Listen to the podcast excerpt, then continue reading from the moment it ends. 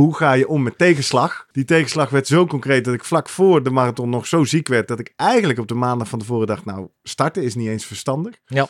Toch gedaan, op een andere pace, een ander tempo, omdat ik wilde er gewoon bij zijn. Ik wilde het meemaken, ik wilde dat feest beleven. Welkom bij de Slimmer Presteren podcast. Jouw wekelijkse kop koffie met wetenschapsjournalist Jurgen van Tevelen en ik, middle-aged man in Lycra, Gerrit Heikoop. Over sport, onderzoek en innovatie. Voor mensen die hun grenzen willen verleggen, maar daarbij de grens tussen onzin en zinvol niet uit het oog willen verliezen. In deze aflevering praat ik met Jurgen over de mooiste verhalen en lessen uit de Marathon van Rotterdam. Bij de Rotterdam Marathon van 2023 zou het gaan gebeuren. De allerbeste prestatie ooit. Misschien zelfs wel onder de drie uur. Hoe anders verliep de voorbereiding? Ziek, blessure en weer ziek. Een week van tevoren werd zelfs van start gaan onzeker. Waarom dan toch meelopen in deze marathon? En welke lessen en inzichten leverde dat dit keer op? En hoe kijkt Jurgen nu vooruit naar zijn mogelijk toekomstige deelname? Voordat we beginnen, nog even drie dingen om aan te denken als jij zelf ook slimmer wilt presteren. Nummer 1. Druk nu gelijk even op abonneren, zodat je altijd direct in de gaten hebt wanneer er een nieuwe aflevering online komt. Nummer 2. Weet dat je Jurgen en mij ook kunt boeken voor jouw volgende bijeenkomst als spreker of presentator. Neem gerust eens contact met ons op via de contactgegevens hieronder. En 3. Deze podcast wordt geproduceerd en gesponsord door Live Online Events. Serieus goede content rondom jouw congres of event. Check www.loe.tv voor meer info. Jurgen! Hey Gerrit. Goedemorgen! Goedemorgen. Het is vrijdagochtend Ja. als deze aflevering in de podcast Spelers verschijnt. Maar het is eh, dinsdagochtend, nu wij hier even aan het bakje koffie zitten voor de nabeschouwing Ja. op de mooiste. En jij zit gewoon, hè? Je ligt niet op Ik bed. zit of, gewoon, eh, ja, ik ben een thuis. deken- dekentje over je, Ik heb een klein, je eh, heen gedrapeerd. je hoort het, een klein eh, goudkleurig, zilvervolig eh hittedekentje. Dat, dat is jouw souvenir eh, die je hebt ja, los overgehouden aan eh, zondag. naast deze Ja. dikke mooie gouden plak natuurlijk. Hij is ook dat- echt te zwaar om de nek. Kan ik dat hoorbaar maken? Nee, niet echt. Maar dit is, eh, dit is de, de zesde marathonplak eh, inmiddels. In Uitgelopen mijn, dus. Ja. eh, Uitgelopen. Nou, gefeliciteerd. Vink. Goed gedaan. Ja, goed gedaan. Vink. Ja. hey, maar ik zie bij jou ook een Ja. kleine medaille Stukje- om de nek. Stukje kleiner hè? en Ja. zilver. Ja. Eh, en daar staat Jij was ook in Rotterdam. 10,55 kilometer op. Ja, ik was erbij. Ik wou toch maar eens een beetje sfeer proeven. En ik denk, eh, nou, de mogelijkheid was er om eh, een, eh, het laatste stuk, want dat is toch het zwaarste, hoor ik altijd, hè, om dat alvast te verkennen. Oh, je hebt gewoon parcoursverkenning gedaan. Ja, ja, daar leuk. ging het uiteindelijk. eh, nou, ik vond het reuze meevallen het laatste Ja. Hoor. Die, rondje eh, toch? ja. Rondje Kralingse Bas. Wat doen ze daar- daar nou allemaal daar moeilijk klagen over? mensen altijd over. Van dan kom je even, ja, geen supporters of noem maar op. Ik vond het wel lekker, even wat, wat rustiger, alhoewel.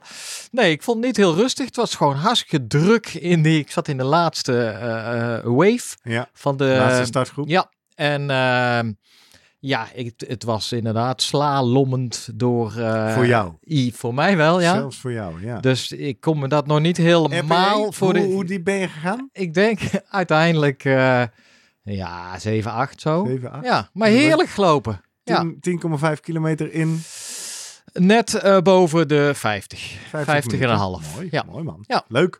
Ja. voor de mensen die misschien deze podcast net ontdekken, omdat je zelf ook in Rotterdam hebt gelopen. Eh, Jurgen, jij bent onze wetenschapsjournalist. In deze aflevering weinig wetenschap. Eh, laten we even gaan. Het gaat eh, echt om de verhalen van de wedstrijd. Mhm. En daar dan toch wel weer praktische les- lessen en inzichten uit verzamelen. Dat hebben we met mij, de Middle-aged Man en Lycra, al een paar keer gedaan. Dus we dachten, hoe houden we deze aflevering nog fris? En dat zit hem eigenlijk in het volgende. Voor mij is het thema van deze aflevering, en daar komen we nog uitgebreid op terug, denk ik wel, dat ik het nog nooit zo samen heb gedaan. Ja. Ik, eh, we, waren, we zijn natuurlijk nu een eh, lange tijd bezig met deze podcast. Mensen die vaker luisteren weten, we roepen altijd op, word vriend van de show. Dat is enerzijds een nou, niet een verdienmodel, maar een soort kostenreductiemodel. Waardoor mensen zo vriendelijk zijn om ons een kopje koffie in de maand te geven. En daar horen voordelen bij. Bijvoorbeeld dat je toegang krijgt tot de Strava Club van Slimmer Presteren op Strava. En dat je 25% korting krijgt in de webshop, bijvoorbeeld op zo'n mooi hardloopshirt. Kun je op Strava zeggen, een evenement aanmaken, Rotterdam Marathon. En er gingen maar liefst 40 uh, vrienden van de show uit die Strava Club, waarschijnlijk veel meer luisteraars, maar 40 vrienden van de show gingen lopen.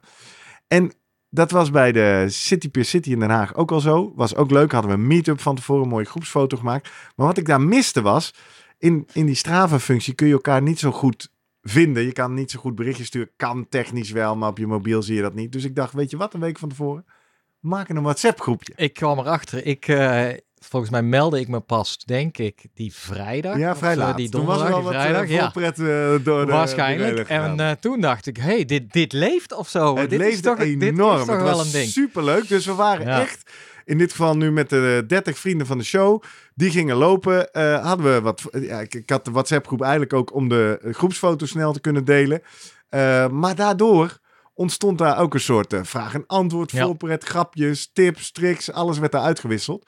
En dat gaf wel echt een... eh, Ja, en dat begint dus de week van tevoren, dat is al duidelijk. Sowieso die vrijdag, want dan eh, ga- gaan een hoop mensen al naar Rotterdam. Kwam Ja. ik achter, Ja. of las ik daar. Ja, op de expo hebben Ja. we nog wat mensen weten te vinden via de WhatsApp groep. En inderdaad vragen als, hey, moet ik nou mezelf gaan insmeren? En, want die zaterdag was het best wel De zonnebrandvraag, mooi weer. Ja, Ja, de zonnebrandvraag. Ja, ja, eh, ik zou het meer niet doen. En eh, kijk uit voor je ogen, noem maar op. Nou ja, uiteindelijk, daar komen we zo op. Eh, de weersvoorspelling was toch... Ja, weersvoorspelling werden doorgestuurd. Zeker. Inclusief gevoelstemperaturen en weet ik het wat allemaal. Ja. Wat gaan we aandoen? En ja, nou ja, dan...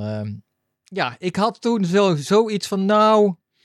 Ik weet niet of ik dat allemaal zou willen Nee. als ik mee Dit, zou doen. dit was ook Eh, vrijwillig. Hè? ja, Mensen die er niet zeker. van houden. Er waren ook vrienden van de Ja. show of vriendinnen van de show die meeliepen. Die niet in de WhatsApp groep zaten. Ja. Nou, dat kan ook. Nou, vooral in, in de zondagochtend al. Hè? Ik, eh, ik was redelijk vroeg op, maar ik zag daar al de eerste meldingen van... Nou, eh, lekker geslapen en we zien elkaar straks of we hebben er zin in. En, Ik weet ook niet hoe schaalbaar dit is. Ja. Hè? Dit was leuk met kleine 30 mensen. Als dit er 300 Ja, ja. worden, dan gaat dat natuurlijk ook niet. Maar dat zoeken we in de toekomst wel uit. Wat ik, wat, waarom dat voor mij wel echt eruit blijft is natuurlijk omdat eh, mijn oorspronkelijke doel, Ja. een zo goed mogelijke prestatie neerzetten, een PR lopen, ja, dat eh, kon eh, wel op de helling. Ehm, het was een voorbereiding die enerzijds waarin ik mijn agenda heb vrijgemaakt, mijn werk aan de kant, nou, werk niet, ja, nou, omstandigheden gecreëerd waardoor ik echt heel veel Ja. kon trainen. Op papier Zes keer in de week ging werd dit perfect. ja, ik ging er alles aan doen. Ja, nou ja, eh, eh, dat, eh, Ja. dat was niet zo. Dus ik, ik kreeg al wel door dat deze, het thema van deze marathon, en misschien wel van deze uitzending, was ook: hoe ga je om met tegenslag? Die tegenslag werd zo concreet dat ik vlak voor de marathon nog zo ziek werd dat ik eigenlijk op de maandag van tevoren dacht: nou, starten is niet eens verstandig. Ja. Toch gedaan.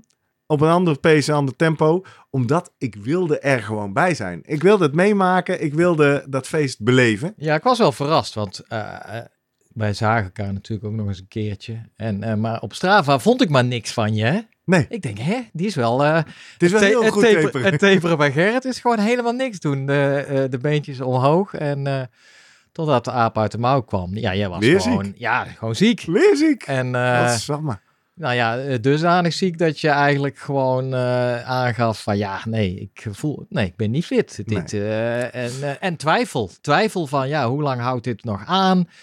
Kan ik wel, kan ik niet? Eh, Ja. nou ja, en die beslissing uiteindelijk, vrijdag nam je hem. En op, ja, Ja. op, hoe ging Nee, dat? Ik ben nou- wel benieuwd hoe dat... eh, Uiteindelijk, ja, we gaan zo, wa- want toch even de opbouw van deze uitzending, wat we zo gaan doen. Eh, Daarom noem ik die WhatsApp-groep ook.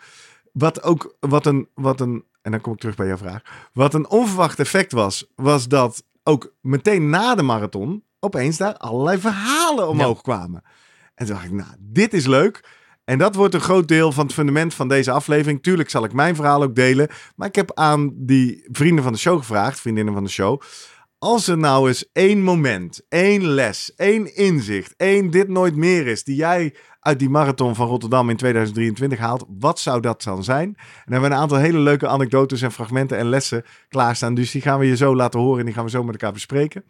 Wat ik ook even gedaan heb, is eh, zelf even met Guido gereflecteerd. Guido Vroemen, de sportarts en de topcoach die mij heeft begeleid. En misschien is het denk ik voor het verhaal handig dat we Ja. die eerst even laten horen en dan doorgaan op eh, alle lessen van mij. Eh, even in een notendop, wat moet je nog weten als je dat hoort? Uiteindelijk ben ik dus gestart. Ik heb gelopen, eh, ik heb een eindtijd van 3 uur 35. Oh, mooi. Wat mijn tweede Ja. snelste tijd ooit is in Rotterdam. Ja. Wat, wat, wat natuurlijk, als je het op afstand beschouwt, een, een marathon in 3,5 uur is top. Alleen ik was aan het trainen voor misschien wel iets in de drie uur. Nou, daar werd het niet. Het werd een flinke strijd. En eh, nou ja, laten we maar even horen wat ik daar met Guido over heb besproken. We gaan zoomen met Vroemen. We gaan zoomen met Vroemen. Zoom, zoom, zoom. Vroom, vroom. Guido, goedemorgen. Goedemorgen. Zo, 48 uur na de Marathon van Rotterdam 2023. Eh, fijn dat je even tijd hebt. Ik ben heel erg benieuwd om jouw perspectief op de zaak te horen voordat ik eh, alle andere perspectieven ga gebruiken. Want eh, het was mijn voorbereiding, hè? Wat is jouw Ja, reflectie? Ja, de voorbereiding was natuurlijk niet helemaal vlekkeloos. Hè, er zaten nogal wat hobbels in die we hebben moeten nemen. En nou ja, eh, beslissingen van wel of niet eh, trainen, eh, korter, langer, harder. Van alles. Niet lopen, wel lopen. Ja, alles hebben we wel gehad, denk ik. ik moet zeggen dat ik op een gegeven moment de afgelopen weken ergens ook me eindelijk misschien kon inleven in jouw perspectief. Ik denk, als coach is toch ook freaking frustrerend? Je maakt gewoon een plan. Oké, iemand heeft dit doel en we gaan hem zo daar brengen. Ik doe er lekker dit soort training in. En de hele tijd dat plan van de rails. En dan ben ik vast niet de enige. Nee, dat klopt. Dat, eh, dat ben je zeker niet de enige. Maar dat is ook een beetje de. Ja, ehm, eh, wat, wat er eh, gebeurt en waar ik op moet inspelen. Om het wel weer op het juiste pad te krijgen. Hè? Dus, Zeker. Maar de, de persoonlijke vraag was eigenlijk, frustreert jou dat niet ook af en toe verschrikken? Hoe hou jij, waar hou jij de veerkracht vandaan om te zeggen, nou, we Ja. het maar weer aan? Ja, nee, nee, dat klopt. Ik, eh, ik denk dat ik er zelf voor me. Als ik het terugkijk, zo'n beetje dat ik dat zelf als atleet zou hebben. Dat je denkt, goh, dan hebben we nu, nu weer dit. Hè? Nu kan ik, heb ik daar wel last van. Of dan voel ik me weer niet fit. Ja, Daar had ik nou ja, meer frustratie van mezelf van dan dat ik het bij atleten heb. Die dan denken, oh ja, maar dan kan ik me dan voorstellen. Ik denk, oh wacht. Als, nou, dat, dat is natuurlijk heel frustrerend. Dus dan moet ik een ander plan gaan maken. Zodat we in ieder geval ehm, ja, die frustratie kunnen weghalen. En ehm, de motivatie goed genoeg houden om toch nog het doel te halen. Ja. Nou ja, zelf heb ik dus, nou ja, dat, ik heb niet zozeer de frustratie als er iets bij een atleet fout gaat van, oh ja, Of, als, of het jouw perfect uitgedokterde plan nee, niet gaat zoals gepland. Nee, of is het eigenlijk andersom, dacht ik later? Je hebt wel 50 atleten geloof ik. Is, jij weet al over 50 van die trajecten gezien. Het gaat nooit volgens plan. Is dat Nee. stiekem de magie die we hier ontdekken?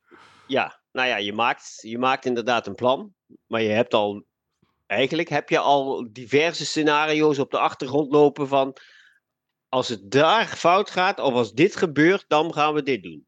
Ah. Dus die, die, ja, weet je, die dingen heb ik natuurlijk toch ondertussen wel. Ik weet wel wanneer ik wat, wanneer ik denk, nou ja, weet, dit gaat niet volgens het gemaakte plan. Ik moet nu ingrijpen, of ik moet nu iets anders doen, of ik pas het wat aan. Ja. En dan is het misschien wel mijn eerste overbelasting of derde griep of whatever. Maar je hebt dat natuurlijk al meer dan honderd keer meegemaakt. Ja, sommigen hebben het misschien nog veel erger. Hè? Die denken, "Goh, weer ziek. Ja. Nee. Ik zeg, ja, dan is het gewoon nou eenmaal zo. Hè? Dan kun je zeggen, shit happens. Ja, Deal with it. ja, Ja, dan moet je dan ook. ja.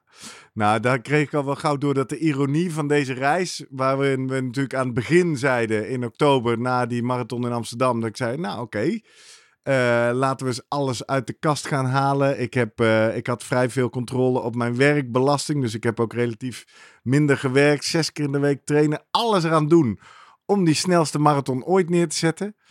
Ik kreeg al vrij snel in de gaten, zeker toen we eigenlijk al begin december eigenlijk al op heel hoog prestatieniveau zaten. Toen dacht ik al een keer, oeh, wordt nog best taai om dit 3,5 maand hier goed te houden. en eh dat bleek een voorbode te zijn. Ja. Ja, nou, ja, dat is.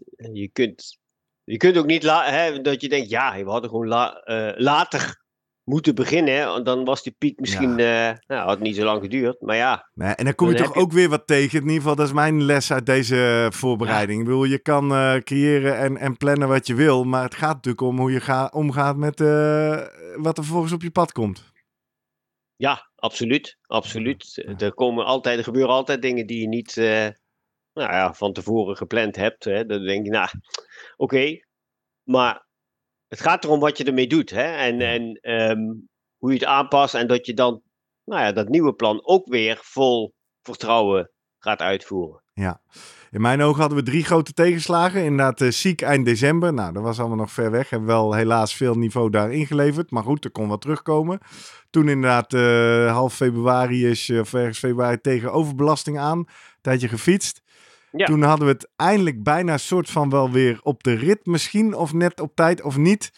Ja, toen in de laatste weken zag ik een soort van in Hmm? slow motion zag ik die, eh, de, dit onheil op me afkomen. Ik eh, woon samen met een hele lieve vrouw. En die begon ja, twee gelukkig, weken... eh, is dat nog steeds zo. Ja, Dat is ook nog steeds zo. En die begon twee weken voor die marathon een partij lelijk te hoesten en te rochelen en te kuchen. Toen heb ik echt zo vier weken, of vier weken, een dag of vier zo met het dekbed aan de andere kant, weet je wel, over mijn hoofd zo gelegen. Blijf weg, blijf weg. Maar dat is natuurlijk niet te doen. Dus eh, ergens, ik geloof donderdag, dag tien voor de marathon, eh, was ik aan de beurt. Eh, toen voelde ik hem toch ook in de keel komen en Ja. belabberd en gedoe. Ja, ja, ja. Toen werd, kwam het onheil al een beetje zoiets van. Oh oh. Ja, ja, dat kwam niet. En het was een flinke. En nou ja, uiteindelijk zullen we het nooit weten. Maar droge kurk, last van me, me, ook in mijn borst, maar van mijn, van mijn luchtweg. eh, veel koppijn. Ja. Ik denk eigenlijk als je deze klachten twee jaar geleden had beschreven dat het gewoon COVID was. Ik heb het proberen te testen, maar al mijn testen waren bedorven. Weet ik veel, die deed het niet. En jij zei woensdag, ja, Oh. van mij eh, hoef je het niet te gaan halen, want het interesseert mij niet. Eh, je bent beter of je bent het niet. Want we zaten maandag, dinsdag Ja. voor de marathon op scenario. Volgens mij moeten we ook maar niet starten als je zo ziek bent. Ja, Ja, ja, ja, dat klopt. En dat maakt, weet je, de oorzaak van, of de, de, ja, weet je, de reden waarom je ziek bent, dat maakt dan in principe niet uit als je ziek bent. Ehm, en je hebt ook nog daarbij eh, lichaamstemperatuurverhoging. Ja. Ja. dan weet je, dan gaan we niet starten. nee. Dan is het gewoon niet verstandig om ehm, nou ja, een zo'n zware inspanning te gaan doen als je lichaam bezig is een ehm, infectie te herstellen. Ja, Ja. precies. En dat was mentaal interessant, want dan komen er natuurlijk opeens grote vragen over motivatie boven. Hè? Waarom ben ik deze reis eigenlijk aangegaan? Ja. Enerzijds Ja. eh, doe ik dat met jou en dan is er een hele duidelijke voorwaarde. Jij werkt met atleten die het beste uit zichzelf willen halen. Kortom, dan hebben we Ja. een prestatiedoel, een, een PR. Eh, en toen werd dus de afweging, ik ben, ik ben toen ook gaan kijken van, nou, wat is dan de volgende marathon? Dat zou dan eventueel Leiden in, op 13 mei zijn. Hele andere sfeer, hele andere marathon, maar ja, wel een marathon. Ja. Ja, toen ging bij mij toch in mijn kop ook, dacht ik, ja, waarom doe ik dit nou? Ja. En toen voelde ik me woensdag, donderdag al wel toch aardig wat beter. En toen merkte ik in ieder geval dat ik dacht, ja, zeker, PR, mooi. Eh, drie, vier maanden alles geven, geweldige ervaring. Dacht, ik wil het wel ook gewoon meemaken. Ik wil er gewoon bij Mhm. zijn. Ja. Dus vrijdag Ja. hebben wij gebeld en was min of meer mijn insteek. Guido, ondanks alles, ma- mag ik zondag starten? Mag ik, mag ik meedoen? Wat was jouw Ja. afweging toen, vanuit jouw perspectief? Ja, dat je in ieder geval ten opzichte van het begin van de week verbeterde qua gezondheid. Ja. Dat er niet echt alarmerende... Hè, er was geen lichaamstemperatuurverhoging, geen koorts. Een beetje klachten, zeg maar, in het bovenste luchtweggebied. Ja. Hè, een beetje nou, keel, eh, neus, snot, dat soort zaken. Dus het was niet weg. Maar het was ook niet een, een reden dat je denkt, nou, ik, mag, ik moet eigenlijk helemaal niks doen. Nee, nee. Ehm, dus het zit er een beetje tussenin. Je gaat dan eh, afwegen van, ja, weet je, je kunt de marathon gaan lopen, maar dan loop je hem dus niet op, die, op het scherpst van de snede. Dus dan ga je niet voor een PR, want daar ben je gewoon niet fit genoeg voor. Nee, moet je gewoon 100% fit voor zijn. Nou, dat was je niet, dus dat viel af. Ja. Maar ja, ga je hem lopen omdat je hem wil nou ja, weet je, beleven. En dan ga je 5%, 10% onder dat niveau zitten. Ja, dan is het ook al een heel ander eh, gevoel van lopen en belasting ook. Dus dan is het denk ik, ja, maar dan kan het wel. Ja. Ja, we hebben vrijdag nog een testloop gedaan. Eh kwartiertje inlopen, kwartiertje op dat PR-tempo. Nou, dat voelde ik aan alles. Dat was echt veel te heftig. Ja. En dan een kwartiertje uitlopen. En toen was ik aan het uitlopen. En dacht ik, nou, nu loop ik lekker. Keek op mijn klokje. Nou, dit is gewoon het wattage waar we een jaar eerder eh, nog de 3 uur 18 PR op liepen. En eh, dat voelde nu Ja. heerlijk. Ja. Dus toen zeiden we, ja, laten Dus we dat maar was ook oké. Ja. Weet je, dan denk ik, ja, als je dat loopt en je hebt dan een gevoel van, nou, dit loopt eigenlijk best relaxed. Ja. Misschien wilde ik toch wel iets te graag. Ik weet niet of het echt heel relaxed was Ja. op die vrijdag. Dat was uiteraard zo, maar dat snap ik ook. Weet je, het is niet iets waar je eh, de week van tevoren mee bent begonnen. Nee. En je denkt, nou, ah ja, de volgende week een nieuwe kans. Ja, dat hè, Dat is- vooral. Ja. Dat is er niet. Nee, Nee. nee, nee. En nee dan is zeker het ook niet in wel weer- Rotterdam. Nee, en het is ook een hele weg er naartoe. Dus je zegt ook niet zomaar van, oh, nee, ik, ik weet je, ik ga hem nu niet doen dit weekend. Eh, ik, ik stel hem uit. Nee, dus ik ben gestart. Nou, wat er allemaal gebeurd is die dag, dat eh, ga ik zo nog met Jurgen wel eh, verder eh, de diepte op in. Maar ehm, als we nu even terugblikken, een dag, twee later, wat zie jij? Of in de data, of in het verslag, of in... Wat, wat, wat is jouw reflectie? Dom, Ja, ik- spijt, niet moeten doen, of prima? Of wat, hoe kijk jij hierop terug? Nee, dat niet. Maar je, maakt, je moet op een gegeven moment in die wedstrijd moet je natuurlijk beslissingen nemen. Dat heb Ja. je zelf ook gemerkt. Dat je denkt, ja, ik ga eruit. Ja, Dit gaat niet goed. een aantal keer zeer sterk over. Even daar nog bij zeggend. Wij hebben vrijdag in datzelfde telefoongesprek toen we zeiden we gaan wel starten. Ja, gezegd, ik heb bij jou gevraagd, ik zeg, wat zijn de rode vlaggen? Ja. wanneer moet ik, e- wordt het gevaarlijk of moet ik in ieder geval echt stoppen? Ja. Heb je heel duidelijk gezegd, hè? ventilatie, oftewel heftig ademen. Je moet, hè, ik had wat last van mijn luchtwegen, niet, niet hijgen, was jouw opdracht. Ja. Dus je moet inderdaad op, op Jurgens een gevoel, hè, RPE, RPE 5, hè, een beetje zo. Ja, daar kwamen wij op uit. zes. Op zijn Jurgen Ja. Zeiden we. Ja, je moet kunnen blijven praten. En niet Ja. alleen maar, ja, Ja. nee, Ja, ja, dan wordt het weinig. Weet je, dan, Precies. is, dan gaat het de verkeerde kant op. ja. En verder zei jij signalen als duizeligheid, eh, hoofdpijn, dat soort dingen. Niet doorheen lopen. Nou, dus dat had ik Nee. wel goed in mijn oren geknoopt.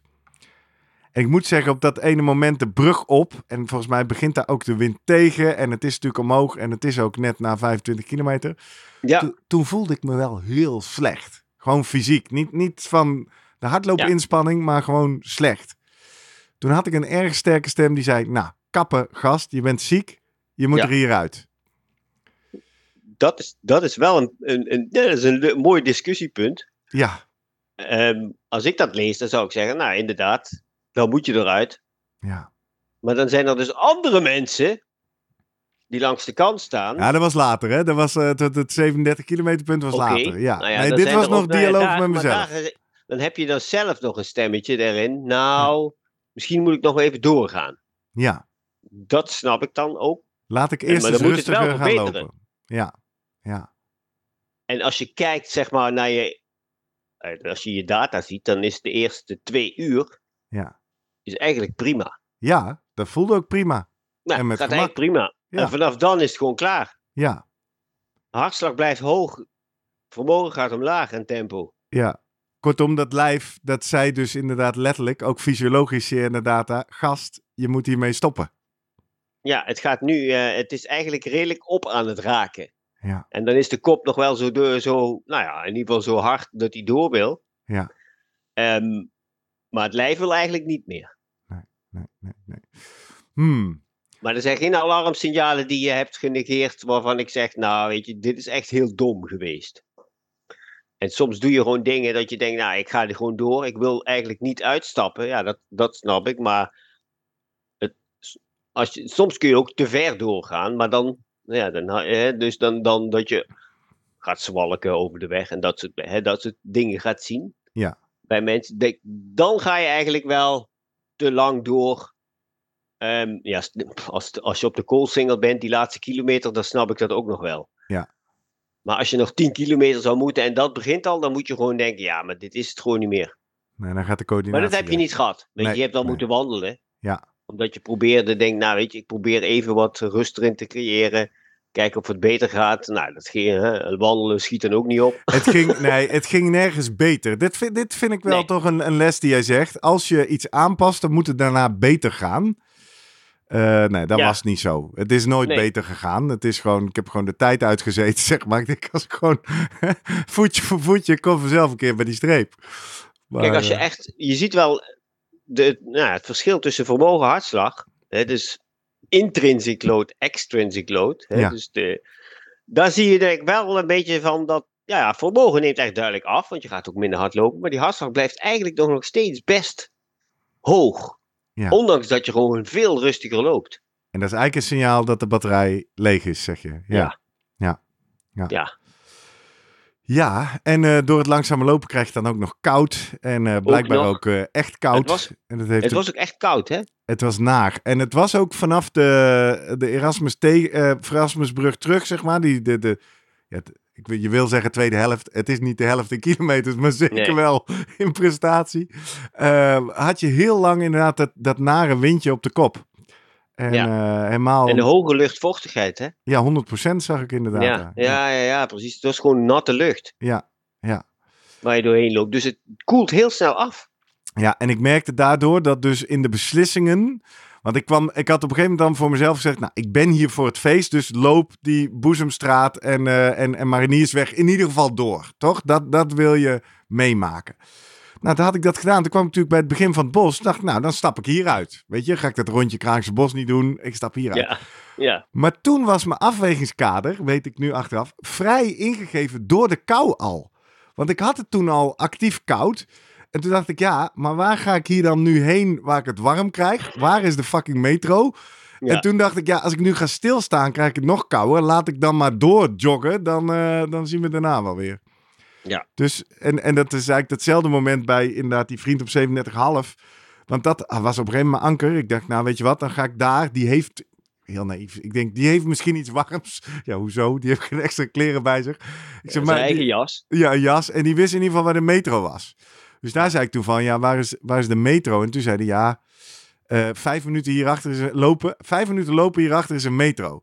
Toen ging ik dat fantaseren. Denk, ja, loop ik ook eerst door de kou? Moet ik ook nog een half uur voordat ik bij mijn tas ben? Denk, ja, kan ik net zo goed door over parcours. Ja, Dus, eh, en toen riep hij inderdaad de gevleugelde woorden, ga maar door, dat is mooie content. En tot slot, eh, data, fysiologisch, inspanningstechniek. Nou, dat is verder niet zo interessant. Hè. De laatste uur is gewoon de boel in elkaar geklapt. Wandelen dingen, ja. Nou, ja, ja, je loopt, weet je, het loopt, wat ik al zei, de eerste twee uur heel stabiel. Ja. En dan zie je eigenlijk dat je toch gewoon, nou ja, onvoldoende fitheid hebt. Ja. Ehm, en, en toch daardoor, nou ja, te veel moet inleveren. En het ook niet, nou ja, dan komt het een op het andere. Dan ga je langzamer lopen, koel je meer af, et cetera. Dan wordt het een soort negatieve spiraal. Ja, wat mij opviel in achteraf is dat we zijn dit in eh, november of eh, december begonnen. En je gaf me heel veel lopen. Ik trainde zes keer in de week alleen maar lopen.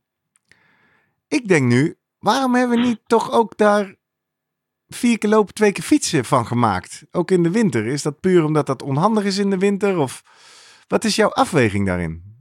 Ja, er stond al wel een mountainbike tussen, maar dat koos je dan niet zelf. Niet Ja, die staat dan altijd op de rustdag. Oké, nou dan heb ik dat misschien verkeerd geïnterpreteerd. Maar er staat er altijd rustdag. Nou, Ja. daar ben ik dan ook echt wel in aan toe in dit soort weken.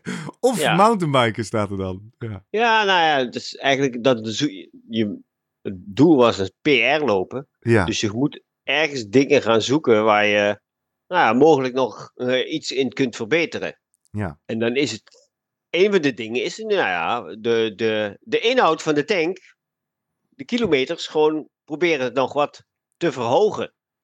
Ja. En als je dat een beetje uitsmeert over een aantal dagen in plaats van een paar hele zware, lange, grote dagen. Ja, als je dat op meerdere dagen doet, dan past nog eens een extra fietstraining dan ook er niet bij. Of je moet dat lopen dan weer gaan skippen. Nou ja, precies. In, in mijn hoofd, maar dat wil ik dus nu bij je checken, denk ik, ja, een rustige duur lopen of een rustige duur fietsen is allebei aerobe basis bouwen, of niet? Klopt, maar lopen is nog steeds geen fietsen. En fietsen is ook geen lopen. Ja, ja. Het is wel conditietraining. Ja. Maar als je op lopen sneller wilt worden. Ja. Ja, dan help je niet door alleen te gaan fietsen. Nee, niet alleen, hè? Nee, maar erbij bedoel ik, hè? Dus in, in ja, zo'n dat kan een week. afweging zijn. Bij sommigen denk ik dat het best misschien verstandiger is om dat ehm, ehm, één of twee looptrainingen dan te vervangen door een fietstraining. Ja. Ja, Voor mijn En, gevoel, ja. als, als, als, als zelf in het programma zit, als plezu- eh, blessurepreventie, zeg maar, hè? Ja. Ja, ja, ja, ik denk dat dat een goede eh, conclusie is, zeg maar, wat, wat in het vervolg, zeg maar, meegenomen kan worden, zodat we daar nou ja, net iets anders het programma in kunnen richten. En dus iets, nou ja, iets eh, eh, in kilometers lopen minderen en, en eh, nou ja, daardoor misschien wat je, als je twee uur per- of anderhalf uur per week minder loopt, dat je dan twee uur, drie uur meer fietst. ja Bijvoorbeeld, precies. Ja, precies. Ja, ja. Oké. Nou ja, daar liep ik natuurlijk die laatste weken terugblikkend op. Oké, wat moet ik nou leren uit deze aanpak? Eh, begon die er voor mezelf bovenuit te stijgen. Maar ik denk, nou moet ik toch eens aan jou vragen eh, wa- wat, of daar belangrijk voor of dat tegen zou argumenten kunnen, hè? Ja. Maar dat, dat is het onhandige. Dus je kunt het nooit precies hetzelfde tegen elkaar eh, zetten en dan kijken, nou, zie je wel, dat één is beter. Nee, exact. Exact. En, en dan komen we terug bij het begin van het gesprek. Als het allemaal zo makkelijk was als een plannetje maken en het Ja. lukt, hè, dan was het spelletje ook niet zo leuk, toch? Nee, als je, nou, ja, hier heb je, dan hoef ik ook geen eh, eh, schema's. Hè, dan kun je gewoon een schema uitschrijven van 12 weken. Dit is het. Doe Doe, maar. het precies en het klaar. Ja, ja, ja, ja, ja precies. Nou, zo werkt het ook niet. Mooi. Als wij vooruitkijken naar onze jaarplanning, dan is het volgende doel eh, de halve triathlon in Zeewolde eind juni. Eh, daar gaan we denk ik geen, ja we gaan sowieso niks doen, ik moet het doen, maar we gaan 13 mei nog even een marathonnetje PR eh, ertussen gooien. Eh, eh. Zeg jij ja doen, Nee, je verzilveren? Nee toch? Nee, Nee, dat is een beetje. ehm, is too much hè? paniekvoetbal is niet het juiste woord. Ja, maar ik begrijp wat je bedoelt. Ja, langere Dat je denkt, ja, maar dan heb ik daarvoor goed. En is het deze marathon niet gelukt. Weet je, ik ga even, ik probeer het door te trekken. En over eh, drie of vier weken is er weer een. Dan moet het dan maar gebeuren. Ja. Ja, zo simpel is het niet. Als het nou een 10 kilometer wedstrijd was. Oké. Ja. Maar je ziet ook als toppers een, een marathon of zo slecht lopen. Ja, dan moeten ze eigenlijk al vroeg uitstappen. En zeggen, nou, dit is hem niet. Ik stop. Ja. Want eigenlijk kun je dan, als je vroeg uitstapt, dan kun je zeggen, nou weet je, nu heb ik niet zoveel schade daarvan opgelopen. Over vier weken ga ik een nooit nieuwe poging doen. Ja. Als je hem echt uitloopt, ja, dan kun je niet gaan zeggen, nou, eh ik ga over vier weken weer een eh, Nee, poging doen. Want dan krijg je weer een halve poging waarschijnlijk. Nou, gevoelsmatig Want dacht ik dat ook al. niet. Maar ik denk, ik check het nog even bij je. Maar dan zitten Ja. we daar op een Ja, ja, nee, dan krijg je ook denk, oh, net niet weer. Ik, Ja, en ik had nog wel gedacht dat het nu wel, nee. nee. Nou, dat is, Dus je eh, kunt beter nu een ander doel ja, plannen. Ja. andere doel, andere focus, frisheid krijgen. En eh, najaar eh, lekker op die fiets gaan knallen ook. Ja, precies. Ja. Nou, dan zitten we, zitten we mooi op één lijn. En dan eh, gaan we wel, ik denk in het najaar of zo, nog eens een leuke uitzoeken. Ehm, even tot slot over, jij noemt schade van een hele marathon uitlopen. Er is wel iets een beetje gek aan de hand, hè? En dat was natuurlijk de vorige keer ook al. Ja, Ja, nou, nergens zal ik niet zeggen. Maar in mijn, nee, maar wel. in mijn functionele bewegen heb ik Ja. eigenlijk vrijwel nergens last van. Eh, zondag ging ik de trappen op en af. Maandag ging ik de trappen op en af zonder leuning. Eh, ik, Ja. ik, ik heb mezelf daar mee verrast. Dat is natuurlijk deels doordat Door het volume natuurlijk, ga het zeggen. tempo nou ja, van de marathon zelf gewoon lager was. Ah, zo ja. Ja, ja, ja. We dat hebben natuurlijk niet één, maximaal maar ja, gelopen. nu komen we inderdaad terug. Want we hebben er veel gelopen. Dus je bent ook heel veel gewend Ja. aan training load, aan loopkilometers. Ja. Dat is wel nu ook wel een voordeel. Dat je ook gewoon, ja, dat alle, je belastbaarheid ligt gewoon hoog. Ja. Ja. Als je dan zeg maar een marathon loopt suboptimaal. Ja. En dan loop je 3,5 uur en dan denk je, ja, maar heb ik niet zoveel last van. Nee, Dat is ook wel mooi om dat te kunnen, hè? Want er zijn niet ik zoveel durf mensen het bijna niet te nou, zeggen tegen al die mensen die met spierpijn waarschijnlijk nog steeds eh, Ja. rondlopen. Ja. Oh ja, maar ik kan gewoon een marathon lopen in 3,5 uur. Daar merk ik niks, bijna Ja. niks van. Dan kan ik gewoon trap op, trap af. Heb ik niks. Ja, en, ik, en je hoort snot nog steeds in mijn neus zitten. ja, precies. Ja, maar ja, Nee, dat, dat is dat ook zegt zo. En ook da- iets. En daar ben ik ook super trots op. En, en Ja. dat vertrouwen, hè, daar, daarom durfde ik, daarom wilde ik ook starten, maar daarom durfde ik ook wel te starten. Want we hebben natuurlijk nog op een CPC ja. onder de 90 minuten gelopen. En twee weken van tevoren nog een 10 soort Ja. onder de 40 met, met echt wel hard lopen, maar wel ook op een soort trainingsambitie.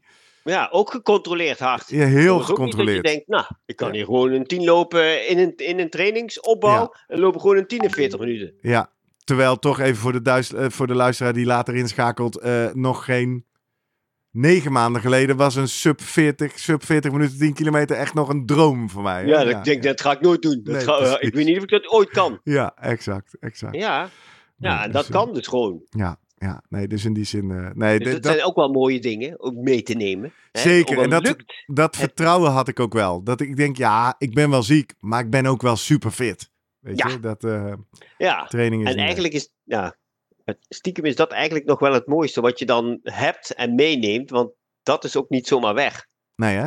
Nee, Nee. Ik hoorde zelfs Nageye ook zeggen, hij zegt, de training stapelt zich over de jaren.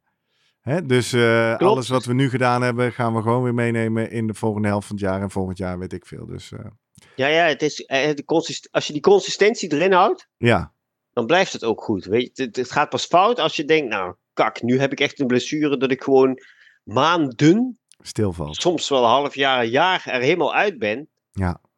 Ja, dan krijg je, als je dat te vaak hebt, dan ga je er, ja, dan ga je op een gegeven moment veel inleveren. Dan lukt het gewoon niet meer. Mooi.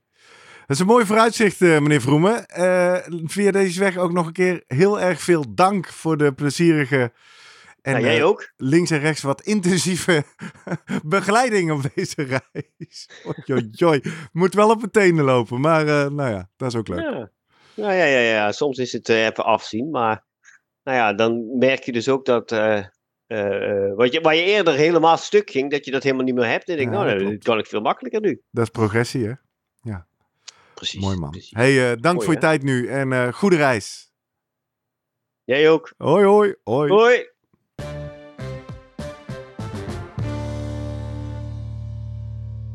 Ja, dus eh, nou ja, ik eh, geloof dat ik er nog niet eh, de laan uit ben gestuurd. Nee.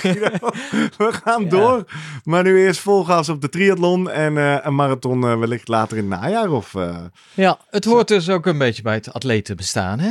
ja, tegenslag. Ja, Ja. dat heeft En, dus iedereen. En pieken is toch wel een heel lastig begrip als je, ja, als alles samen moet komen op, op dat ene moment. Nou ja, ik ken iemand die heeft ooit doen. een boek geschreven. Ja, Het maakbare uur. Ja.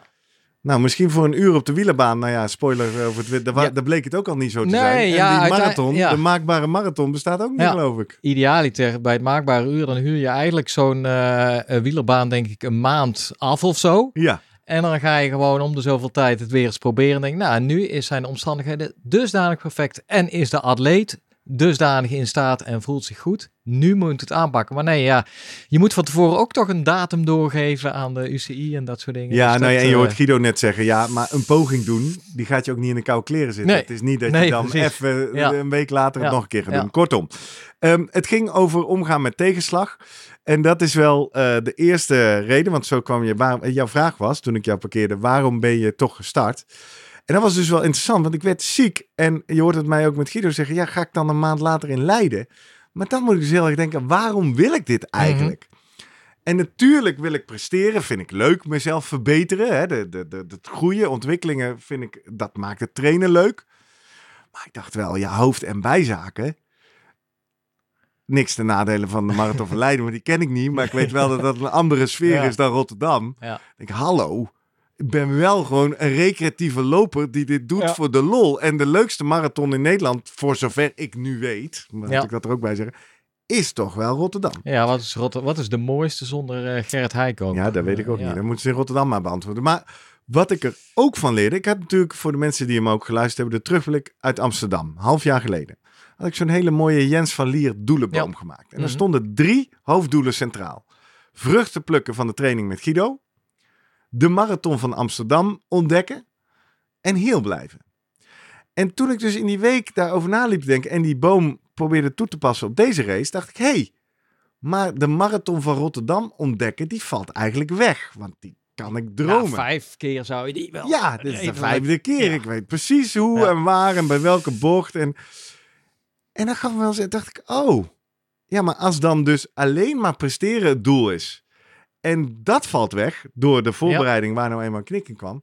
Ja, dan blijft alleen maar heel blijven over. Nou ja, dat, dat is natuurlijk ook wel het belangrijkste. Maar dat gaf me wel een eerste inzicht dat ik dacht, oh ja, nou, ik vind Rotterdam fantastisch, maar ik heb hem nu vijf keer gedaan. Ik geloof dat ik voor mijn volgende marathons andere marathons wil gaan ontdekken. Bijvoorbeeld een bingo kaart met alle marathons van Nederland. Al is het maar omdat je dan in ieder geval altijd die twee doelen hebt. Namelijk één, de marathon van Leiden, Apeldoorn, Amersfoort, Zeeuwse, Spark, weet Mhm. ik veel, vult in. Ontdekken. Ja. En als dan een keer alle, daar moet je serieus voor trainen. Dus als dan een keer alles goed valt, de training valt goed, er zit geen tegenslag in, het weer is goed. Nou, dan komt volgens mij die PR vanzelf.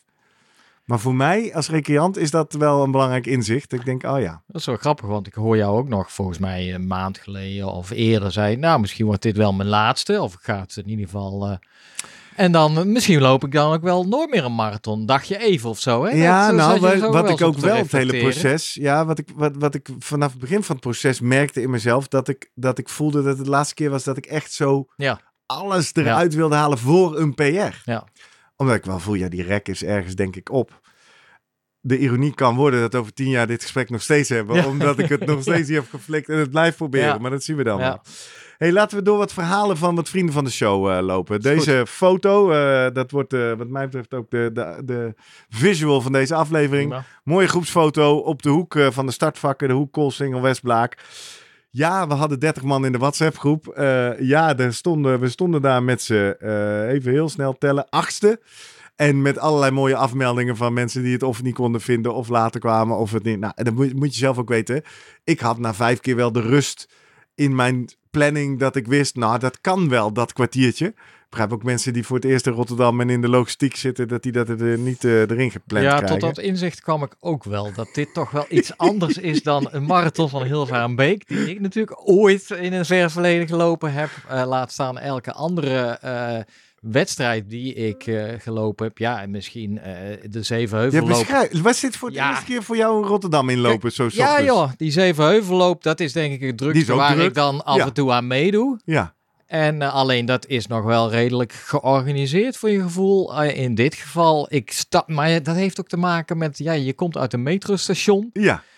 En je weet van daar Je hebben we ongeveer afgesproken. En ik denk, hè, waar komen al die mensen eigenlijk van? In de metro zie je natuurlijk al eh, allemaal Heel mensen veel zitten. mensen, en ja. ja. ja, het is eh, zo groot, zo massaal, maar ook weer... Maar ja, niet heel, onprettig, toch? nee. Toch niet Koninginnedag? eh, Nee, helemaal heel stil. Nee, heel ja. gefocust, eh, Ja. geconcentreerd. Een goede sfeer en eh, ja, eh, nou, een beetje gezonde spanning wel. Ja, enorm. Ik kan je, iedereen ja, je ziet aan iedereen, ze hebben, iedereen heeft er zin in ergens. Ja, Een beetje een spannend, hè? beetje Beetje spannend, spannend ja, ja, ja. eh, in, in het lijf. ik stond op een gegeven moment eh, boven bij de parkeergarage op Jacques te wachten. Die kwam met de trein uit het Centraal Station. En dat was rond kwart over acht. Toen kwamen er ook massa's mensen uit het station. Doodstil. Ja, Het was gewoon doodstil. Ja. Ik zag Ja. daar voor de eerste keer die dag Jan Braam. Ook nog een verhaal eh, wat we misschien wel oppikken. Anyway, we gingen lopen. Ehm, zullen we de eerste anekdote maar eens doen? Want anders komen we er nooit doorheen. Arno Ulijn, een van de vrienden van de show, eh haakte ook aan in onze Vraag ons alles over de marathonsessie een week van tevoren. Ook veel mooie reacties op gehad. Waar we vergaten de opnameknop aan te drukken. Dus Oh, dat ja. is een eh, live experience die eh, uniek is voor de mensen die daarbij waren. Dit is eh, Arno's belangrijkste inzicht. Hallo iedereen van de Slimme Presteren podcast. Arno Welijn hier. Mijn tip die ik meeneem vanuit eh, de Marathon Rotterdam is dat je niet bang moet zijn om buiten je comfortzone te gaan. Ik heb meer dan 10 seconden sneller dan mijn eh voorgenomen schema gelopen. En daarmee mijn, mijn persoonlijk record 16 minuten sneller gezet. Dus probeer het eens, zou ik zeggen. Ja, probeer het eens, Ja. zou ik zeggen. Jurgen, wat ik leuk vind, ook voor eh, nieuwe luisteraars die het niet gehoord hebben. In de eindejaarsaflevering, eind vorig jaar, liet jij je vrij spontaan ontglippen. ik zal ook weer eens gaan meedoen aan die Marathon van Rotterdam, maar dan wel in 2024. Dus ik merk ook, ook bij het voorbereiden van deze aflevering, ik voel wel een soort verantwoordelijkheid om jou bij de hand te nemen.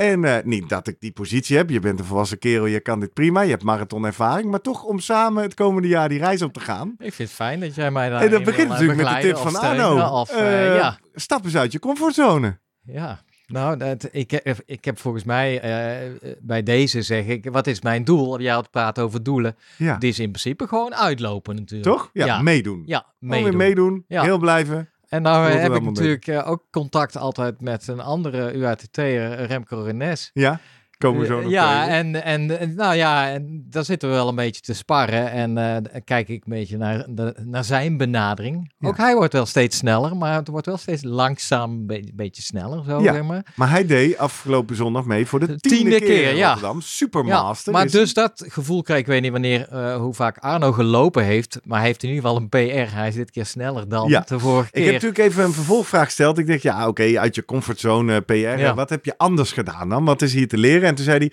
ja, ik heb niet zoveel anders gedaan. Maar in mijn vorige marathon heb ik het in het begin heel voorzichtig gedaan. Ja, ja. Omdat ik bang was, hè, de marathon is een en al emotie, om kapot te gaan. En toen had ik aan de finish nog over. Nu voelde het lekker. Ja, dat herken ik trouwens niet hoor. Ik heb nog nooit aan de finish over gehad. En als je die eh tempografiekjes van de meeste mensen ziet, hebben de meeste mensen niet over. Maar Arno had het de vorige keer dus wel. Dus hij zei, nu voelde het lekker. Ik ben gewoon gaan lopen en op het einde kapot gegaan. Ik dacht, wat ik nu voorleg op schema is meegenomen. Langzamer kan altijd nog. Laatste 7 kilometer wel wat ingezakt. Maar nog steeds 16 minuten sneller dan mijn PR. Ja, kijk, dat is, eh, je moet er dus toch wel een pacingplan hebben. Hè? En een, eh, of race-strategie of noem maar op. In, ik, kan, ja, ik moet heel ver teruggaan in mijn geheugen. Toen ik dus mijn marathon liep op mijn 16e, 17e. Ja.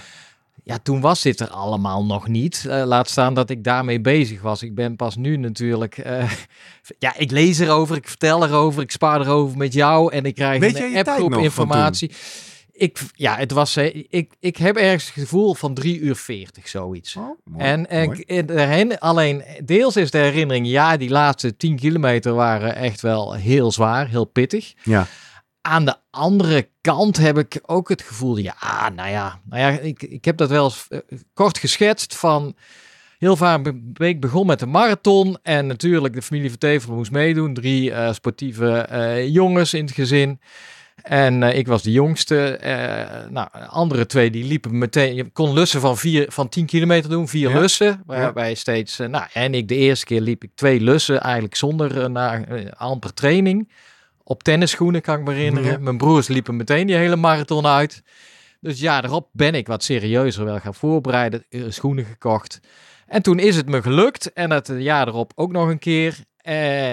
Eh, nou ja, dat is eigenlijk mijn herinnering. En welk jaar hebben we het over? En eh, ja, toen ik 16, 17 was, ja, eh, ik ben van 68. 30 dus, jaar geleden eh, wel of zo, nou ja. Ja. Ja. Nou, dit is een mooi bruggetje, hou dit vast. Een andere mooie vriend van de show, Jacco van Ewijk. Hebben we ontmoet bij de honderdste aflevering, hebben we vaak gezien, veel contact mee online.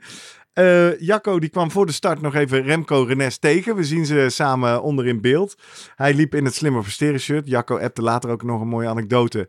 Dat hij eh, ook wel onderweg werd, regelmatig werd aangesproken in dat shirt. En op een gegeven moment ook met de vraag of hij dan de producent was van de Slimmer Presteren podcast. Hij zei nee, ik ben gewoon vriend van de show. Laten we eerst even luisteren en dan zeggen we iets over de andere foto die we in beeld zien. Ja. Hier Jacco. Vijf en een halve maand gedisciplineerd getraind voor een poging om mijn PR uit 2003 te slopen. Alles aan gedaan, maar kwam bij de streep vijf tellen tekort. Bizar. Ondanks dat ik een goede marathon heb gelopen, heb ik vijf tillen laten liggen. Deze marathon zal ik nooit vergeten en vaak aan terugdenken.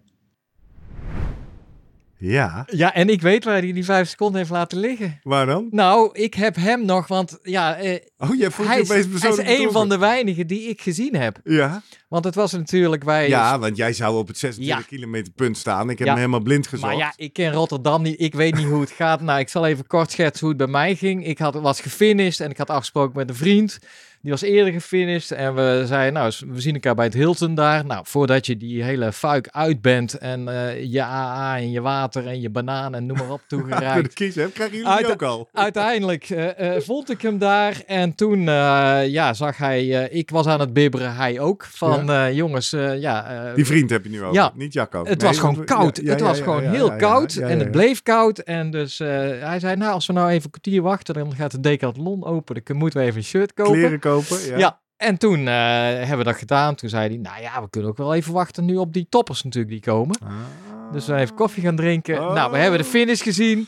Ja. En toen was het zoiets. je, oh eh, ja, ik ja. zou nog iemand aanmoedigen in Zuid. Dat is waar ook. Dus wij duiken de metro in en bij Wilhelmina Singel inderdaad eh, rond eh, kilometer 26 is dat, ging ik eruit. En ik eh, had zoiets, zou het wel, zou het niet. Ja, en ik kom en ik zie eh, de Pacer 230, eh 330, of 330 eh, voorbij komen. 30 en denk, minuten, ja. shit, eh, Gerrit ging voor 320. Die Het heb zijn die eh, geweldige mensen die met zo'n vlaggetje Ja. lopen. En eh, ja, mijn Maar- plan was, en op dat moment was ik ook nog gewoon bij de groep van de 3 uur 20 pacers. Dus eh, ik was maar eh, al dus ik, ja, toen was ik eigenlijk iets van, jezus, wat een drukte, wat een lange stroom mensen, wat, eh, ja. Dat zijn nergens gaten of iedereen loopt gewoon, het is één stroom aan, aan een massastroom eh, aan mensen. En ik bleef eh, lekker staan kijken, ik denk, nou, kom ik heus wel mensen tegen. En inderdaad, ik zag op een gegeven moment een slimmer presteren shirt, dus ik eh, roepen, hey, slimmer presteren, en, eh, en hij draait zich om, loopt Nee. half eh, handen omhoog en noem Ja, maar maar op. niet gestopt, toch? Nou, het kost wel even tijd Jij en denkt dat energie dat vijf natuurlijk. Ja, dat zou wel even... Nou, het gaf hem denk ik ook wel weer energie. Maar nee, dat... dus ja, ik heb Jacco gezien. Dus ik ben blij dat hij gefinished heeft. En ja, als het die vijf Weet je- seconden nog... Jacco, hoor je hier bijna in zijn stem. Dit is opgenomen op maandag. Ik ben benieuwd hoe hij er nu, nu Ja. dit uitgezonden wordt, vrijdag op terugkijkt, Jacco.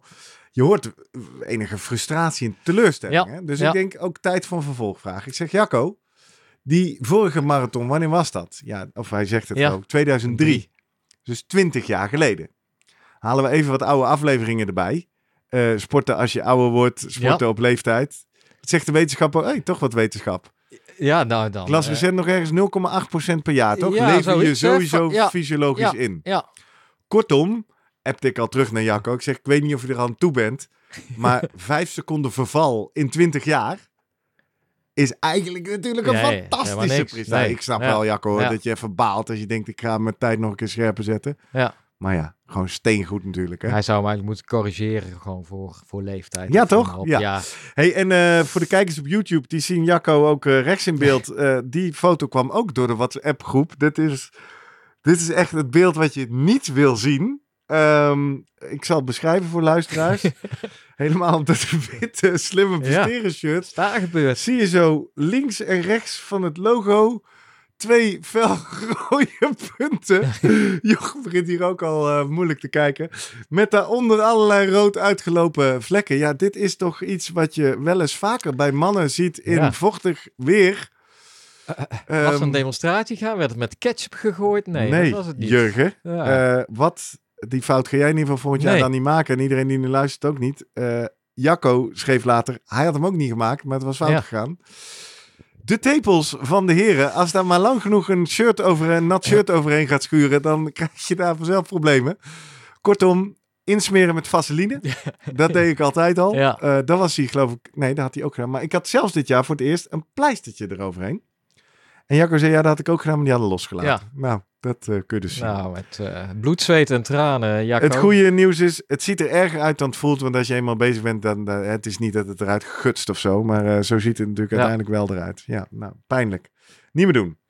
Hey, uh, over shirts gesproken. Een ander bijzonder verhaal. En ook een ontwikkeling in ons imperium van de Slimmer Presteren podcast. Wij kregen namelijk op een gegeven moment een mail, een paar weken van tevoren, van Bonet van Zuilen. En Bonet zei, goh, leuk dat jullie in de webshop uh, die shirts verkopen, maar ik wil eigenlijk in mijn eigen shirt lopen, maar ik wil wel met jullie logo lopen. Mag ik jullie logo zelf op mijn shirt drukken? Ja, natuurlijk, superleuk. Sterker nog, Bonet, ik heb hiervan geleerd. Ik heb een nieuwe knop op de website Ah. gemaakt, waar je gewoon alle vormgeving in alle nodige bestanden kan downloaden. En iedereen die vanaf nu iets leuks wil maken met of rondom de Slim Presteren podcast, doe dat vooral. Download die spullen en uh, uh, stuur ons even een foto. Vinden we natuurlijk leuk. Dat is mooi, want uh, ook, ja, je komt toch regelmatig bijvoorbeeld uh, mensen tegen in voetbalshirts en zo die meedoen. Ja, hè? Feyenoord, Sparta, ja, Excelsior, ja. noem maar op. Nou, maar zij heeft dus een, een, een singlet met slim presteren erop. En daaronder Love Life, Fight Cancer. Met Etje Forever. Ja. Ja, kon natuurlijk niet nalaten om even dan te vragen. Ik vind het heel tof dat ik op je shirt, of dat wij op je shirt Mhm. mogen staan. Maar wie is Etje dan? Ja, en dan voel je hem al. En er liepen natuurlijk ook veel mensen met KWF-shirts hè, en ja. weet ik veel. Ja. Etje is uh, de echtgenoot van Mm. Bonnet, die anderhalf jaar geleden uh, vrij snel aan kanker is overleden. Ach, en ja. uh, ze liep dus met en voor Etje. Prachtig. En dat daardoor begrijp je denk ik ook iets beter wat haar inzicht en les is die ze met ons wil delen. Hey, nou, zoals beloofd zou ik ook even reageren eh, op eh, een les, een tip, eh et cetera. Ja, een les eh, voor mij ehm, tijdens de marathon was voornamelijk inderdaad eh, de voeding. Ik had zeven zakjes met ehm, jelletjes bij me en die heb ik netjes elke 20 minuten vanaf 1 uur 15 eh, genomen. Althans, ik vond het wel lastig om de tijd bij te houden, maar voor mij is het redelijk gelukt. Ze waren in ieder geval op aan het einde. En een tip wat mij heel erg heeft geholpen door de hele marathon heen, eh, zijn eigenlijk twee dingen. Ik had uh, supporters staan op verschillende punten en ik wist ook waar ze stonden. Dus ik wist van oké, op 20 kilometer punt, dan eh, staat er iemand. Dus dan zat ik op 18 kilometer al eigenlijk daar een beetje naar uit te kijken.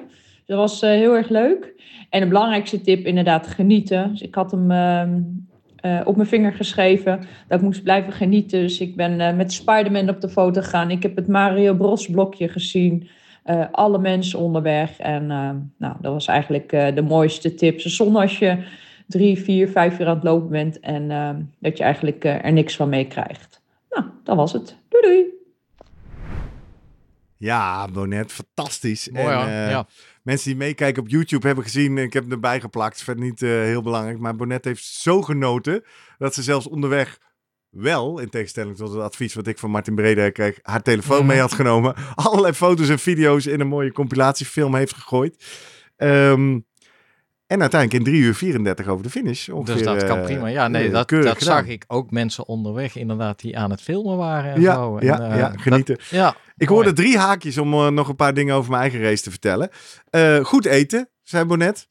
Ehm, tijdens de braindump van mijn herinneringen, ik was het er bijna alweer vergeten, maar eh, kwam ik tot het inzicht dat het, verdorie zou ik bijna willen zeggen, mij toch ook weer niet is gelukt om te blijven eten. Ik had eh, om de 20 minuten had ik een eetalarm Ja. staan voor zo'n Morton gel. Eh, drie per uur, 75 gram per uur. Zou moeten kunnen. Eh, aardig getraind. Misschien niet genoeg getraind. Ik weet niet. Ik moeten we evalueren. Dat gaat de eerste uur. Dat gaat anderhalf uur. En toen begon hij me al te storen. Die van 1 uur 40 vond ik al snel komen. Dat ik dacht, hè? Alweer, Alweer, zo'n ding. ja, ja. Ik had er geen zin in. Toen heb ik mezelf toegestaan. Ik denk, nou, het gaat daar... eh, je zit dan nog net op Zuid. ehm, en eh, dus het was rond kilometer 22 is. Daar gaat het even een beetje plat omhoog. Of eh, vals plat omhoog. Ik denk, weet je wat? Hijgen eten is niet fijn. Ik loop eerst even rustig omhoog. En dan eet ik hem wel in de afdaling. Afdaling is een groot woord, mensen. Maar dat het iets naar beneden gaat. Nou, dat, oké. Toen waren we nog niet de hoek om bij dat stuk 25, 26 kilometer. Waar jij zou staan. Ja, sorry. Sorry Gerrit. Pliep, pliep. Begon niet alweer te piepen. ja. Ik dacht, nou, twee dingen interessant. Blijkbaar vliegen de 20 minuten tegenwoordig ook voorbij. Maar ik, ja, hoezo alweer eten? Ik Ja. wil niet. Ging, eh, ja, ging dat dan Ehm, ook in je kop zitten van, oh jee, eh, Nou ja, ik voelde het gewoon in mijn buik. Voelde niet fijn en niet goed. En ik vond het niet lekker. En ik had er geen zin in. Dus ook toen weer besloten, weet je wat? Ik eet hem wel na de Erasmusbrug. Ah, ja. Ehm, toen ging de Erasmusbrug op. Toen voelde ik me opeens een partij slecht. Echt heel slecht. Nou, je hoort dat net ook in het gesprek met Guido, refereer ik eraan. Guido ziet daar dus ook in de waarde. Ja, dat lijf is klaar. En we hadden de afspraak, Guido en ik, niet hijgen. Dus ik begon daar en te hijgen en ik voelde me slecht. En mentaal dacht ik ook, ja, stoppen. Ja. Nu, eruit. Ga hier linksaf. Eh, mijn spullen lagen in een kroeg op de Westblaak. Ga naar je tas, aankleden, naar huis. Nou, eerst met die brug weer eens opklimmen. Dan ben je natuurlijk boven. Dan loop je naar beneden. echt omlaag Dat is een Ja. heel bijzonder moment. Horen we zo Margriet de Beus ook over vertellen. Dus ja, dan gaat de moraal opeens al, eh, eh, eh, in het hoofd opeens van alles weer goed. Ik moet ook zeggen, de kracht van visualisatie. Ik visualiseerde dat ik daar dan die doodstille kroeg zou binnenlopen... waar nog een paar Oh ja, vrijwilligers ja. naar de tv zaten te kijken. Die dan vragen, oh, hoe is het gegaan? Ja, ik ben uitgestapt. Ja, vond ik toch ook niet een heel fijn beeld. Dus ik dacht, nou weet je wat, ik ga eerst nog maar even langzamer lopen. Ik ben hier tenslotte voor het feest. Het feest komt er nu aan. Mariniersweg, eh Boezemstraat. Laat ik daar eerst nog maar eens doorheen. Dan kijken we daarna wel Ging je weer. ook wat eten toen weer en zo? Je denkt, Nee, van, nog niet. Dat Oh. moest natuurlijk eigenlijk. Maar ik, Steeds. nee. Nee, ik dacht, nee, ik heb ook geen zin in eten. Ik Ja. dacht, ik ga nu... In die zin dacht ik, ik ga even luisteren naar mijn lijf. Ik ga langzamer lopen, even rustig aan bijkomen. Zijn dit allemaal eigenlijk, want dat, jij, we hebben het natuurlijk de vorige keer gehad over eh, ja, scenario's hè, die Ja. je van tevoren kan schetsen met Ja. eh, Jens, eh, Jens van Lier eigenlijk. Ja. Dat je eigenlijk hier al over nagedacht Nee. van tevoren, what if? Nee, Nee, ik had gewoon een scenario, je moet iedere 20 minuten eten. ja. En niet... eh, en je had ook niet het lust. scenario van nee, ik moet een stuk rustiger aan gaan doen. Ja, maar- je- oh, sorry, die wel, ja. ja, Oké, Ja, ja, want toen ik natuurlijk vrijdag besloot, Ja. ik ga lopen, besloot ik, ik ga mee met de 3 uur 20 paces. Dat voelde op die vrijdag als een rustig tempo. Maar diverse mensen schreven al op Strava, eh, onder andere Bianco Witjes ook. En dat weet ik ook wel. Dat is nog steeds Ja. natuurlijk echt wel een harde marathon. maar dat had ik ook van, Ja. hoezo 320 dan? Waar, wie, Ja, dat waarom? voelde rustig op vrijdag. En heb je dat dan met Guido overlegd of had je zelf ja, nee, dat- met, nee, met, met, in overleg met Guido.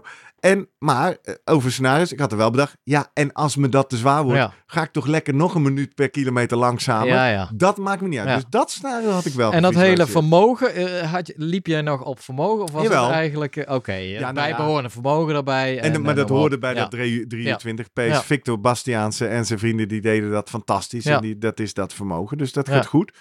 Ehm, dus langzaam loop het feest door. Toen haal ik het feest door, einde Boezemstraat. En dan kom ik weer bij de tip van Bonnet. Ehm, toen had ik het al een tijdje vrij koud. Want wind tegen daar. Toen dacht ik, ik ga er hieruit. Heb ik net ook tegen Guido verteld. Maar toen dacht ik, ja, maar waar moet ik heen? En toen, en daar haak ik op aan wat Bonnet zag. Toen wist ik dat ik vriendjes had staan op Hmm. 37,5. Toen kwam weer samen, enerzijds die afweging, nou als ik doorloop blijf ik waarschijnlijk warmer. Maar ook een stukje visualisatie. Dat ik die gasten dan moest appen. Hey, eh, we hebben Heikoop niet gezien. Ja, Ja. nee, uitgestapt. Ja, ja. denk, ja, dat is ook gênant. Ja. Nou, hoppakee. Staan hier in de middag. Door. Zo, zo, zo'n fraai lentweer was het Ja, helemaal nee, niet. staan we hier eh, verdorie ja. uren te wachten. Hè? Sommige mensen gaan de decathlon in een koffie drinken, maar Ja. andere mensen staan netjes te wachten. Ik denk, die kan ik ook niet teleurstellen. Hè? Dat is allemaal excentrieke motivatie, Ja. daar hebben we het binnenkort wel over. Maar goed, wat Bonnet dus ook zegt, als je weet waar mensen staan, dan kun je er toch wel echt naartoe lopen. En dan toch een soort van die marathon opknippen in Ja. substukjes. Dus dat helpt dan wel weer. Dus eh, dat herken ik heel erg in het eh, verhaal van eh Bonnet. Even kijken, Margriet had ik het over. Hè? Laten we daar maar eens even naartoe gaan. Margriet de Beus, vriendin van de show. Ja. Ook in de WhatsApp groep en ook in het 3 uur 20 peloton. Hartstikke leuk. Die, ehm dat is ook nog een kleine anekdote. Waarvan ik dacht dat die ons duur zou komen te staan. Ja, misschien was het ook wel. Jacques Gillis en ik samen in het startvak. Samen voor 3 uur 20. Eh degene die de nabeschouwing vorig jaar hebben geluisterd. Vorig jaar gingen we ook samen, maar op de brug liet ik hem gaan of vlak na de brug. Dit jaar andersom. Hij was rete sterk. Mhm. Dus toen ik rustiger ging lopen, ging hij door. Maar wat gebeurde nou in dat startvak? Hij, wij liepen al de hele tijd tegen elkaar. Wat doen we nou? Wat doen we nou? Gaan we nou meteen in dat peloton? Of gaan we net als vorig jaar de eerste... Hè, laten we eens even lopen, gaan we er naartoe? Dat was jullie tactiek inderdaad. was de vorige Dat, twee keer tactiek. Ja. laten we dat maar doen. Laten we dat doen. Nou, zei Jacques, ik weet niet of je er zo'n goed gevoel bij hebt. Want 3 uur 20 is voor mij echt al wel een dikke Hmm. PR. Misschien moeten we gewoon maar meteen bij Victor beginnen. Ja, maar ja, ik moest gewoon weer pissen. Dus ik zei, ja, Jacques, maar ik moet toch gewoon even nog een keer pissen. Dus we gaan even pissen. Maar er stond een rij. Dus Ah. wij moesten daar best wel lang wachten. Ja. Pats, kanon weg. Hele stadvak al aan de stroom. Ik zei, oh shit. Nou ja, dan kun je niks anders dan gewoon invoegen in de stroom en mee. Brug op, brug over. Ik zei, kom Sjaak, we gaan er naartoe. Ja, nou, wij links, inhalen, inhalen. Toen liep ik al, over watt gesproken. Oh ja. 360 watt Ja. liepen we de hele tijd, die eerste kilometers. Ik hoorde Sjaki al een beetje kraken achter me. Ja. Hij zei, oeh jongen, dit gaat wel hard. Ik zei, ja, dit gaat wel hard. Maar we zijn er bijna. Op een gegeven moment zei ik, ja, ik zie ze. Ja, oké, ik zag witte vlaggen. Dus wij daar naartoe. Dus dat eh, stuk waar jij stond, maar dan heen, zeg maar, richting de Kuip. Volgende moment zie ik die vlaggen iets beter. Ik zo, ah, sorry Sjaak. Dit zijn de 3 uur 30 paces. Dan moeten we nog voorbij. Dus wij daar nog voorbij. En door en door. Uiteindelijk kwamen we op kilometer 3,5 Oh ja, zo, denk eh, ik, kwamen we Victor Ja. tegen. Eh, Victor liep eh, bij de achterste twee 3 uur 20 paces. Nou, goed, fijn. Ik zei, nou Sjaak, we zijn er. Uit de wind zitten, uitrusten. En toen bij kilometer 4, 5, daar is het lekker breed. En er staat een 3 uur 20 pacer links. Er staat een 3 uur 20 pacer re- pacer rechts. Die pacer rechts zat wat verder naar voren. Dus ik mentaal vond ik het toch fijner om bij die te lopen. Toch vanuit het doorzakken. Dus ik ging eh, door naar voren. Dus eerst al Victor natuurlijk. Hé, hey, uh, Gerrit, niet te hard. Ik zei, nee, nee, maar ik ga naar die andere vlaggen. En Margriet riep ook. hey, Je zou mij toch hazen? Ah, Ik zei, ja. nou ja, Ja. kom maar eh, lekker Ja. in mijn wind zitten. Grote bek had ik, jongen. Weet, je, weet je wat ik ook ging doen? dat vond ik wel leuk. We kwamen bij kilometer 4. Er staat zo'n streepje bordje. Ik juich. Ik zeg, ja, kilometer 4. ik denk, ja, we moeten genieten, toch? Daar waren Ja. we ervoor. Kilometer 5, 6, zo. Ik heb al die kilometers lopen vieren. En een grote mond en schreeuwen. Toen was het natuurlijk al het spelletje. Op een gegeven moment hoorde ik al iemand om me heen zeggen... Nou, kijk hoe lang die dat vol ging, eh, gaat houden. Nou, dat, en dat daardoor waren heb ik het nog onbekend, of niet? ja, ja, Die, eh, ja, heb ik ja, nog die iets langer cynisch, volgehouden. eh, Ja, ja, ja. Maar ik moet zeggen, het bekwam mij toch rond 18, 19 eh, werd dat ook toen wel een beetje gebeurd. vervelend. Ja, ehm, achteraf, heb je, kun je hier een tip toch uithalen? Of denk Ja. je van, of Ja, is, zeker. is- dit is gewoon Gerrit Heikoop. Nee joh, en, dit is de eh, tip die ik ook gaf. Ik kwam in de eerste drie, vier kilometer, toen we net bij het peloton kwamen, kwam ik eh, iemand tegen die ons herkende aan de shirts. Ja. En die hier allemaal praten, jongen. Ja, leuk en een podcast dit en zo Ja. en zus. En nou, heel verhaal. Op een gegeven moment zei ik tegen hem, ik zeg, hoor ik nou goed, is dit je eerste marathon? Ja, zegt hij. Ik zei, nou, dan zou ik je mond houden, want ik kost alleen maar energie, dat gepraat.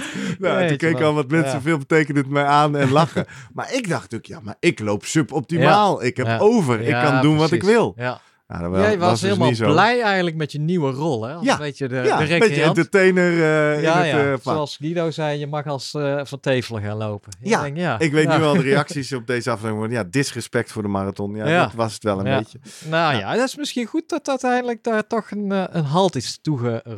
Ja, eh. zeker. Dus die halve marathon ging prima. Toen kwam we bij de brug. Margriet vertelt ook over de brug.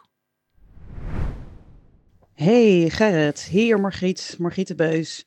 Ja, je vraagt één moment, maar er waren zoveel momenten. Maar wat me echt bijblijft is eh, de Erasmusbrug omhoog komen. En dat uit de speakers eh, eh, DJ Paul Elstak, Elstak knalt. En ik wil eigenlijk gewoon gaan dansen. Maar ja, goed, je wilt ook in het loopritme blijven. Maar echt, de beat die dreunde door mijn lijf heen. En ik deed mijn handen in de lucht. Ik had echt, oh, ik, ik, het was één groot feest. Dus dat punt, eh, Erasmusbrug opkomen, wetende van nou, nou gaat het eigenlijk het moeilijkste, maar ook het mooiste gedeelte nog komen. Echt te gek. Wat een dag. En eh, ik hoop dat jij weer een beetje bent hersteld. Tot de volgende. Ja, tof hè. En ze appte dus later ook. Er is een foto van. Voor de Mhm. mensen die meekijken op YouTube. Het is die dame in het blauwe shirt. Met haar handen in de lucht. En we zien ook net nog een schoen en een been van eh, Victor. Met zijn eh, 320 Oh, vlak rechts in de foto. even. Zie je? Dus, eh, nee, het ziet er echt wel allemaal zo koud uit en zo. Hè? Want koud het- gekleed. Ja. Ja. En uiteindelijk, want ja, dat is denk ik toch ook wel een punt. Nou ja, eh, de- ja jij bent natuurlijk op een gegeven moment, eh, omdat jij wat langzamer bent gaan lopen, ook ja, dat, dat Ik afkoelen, koud noem maar op. Ja. Ja.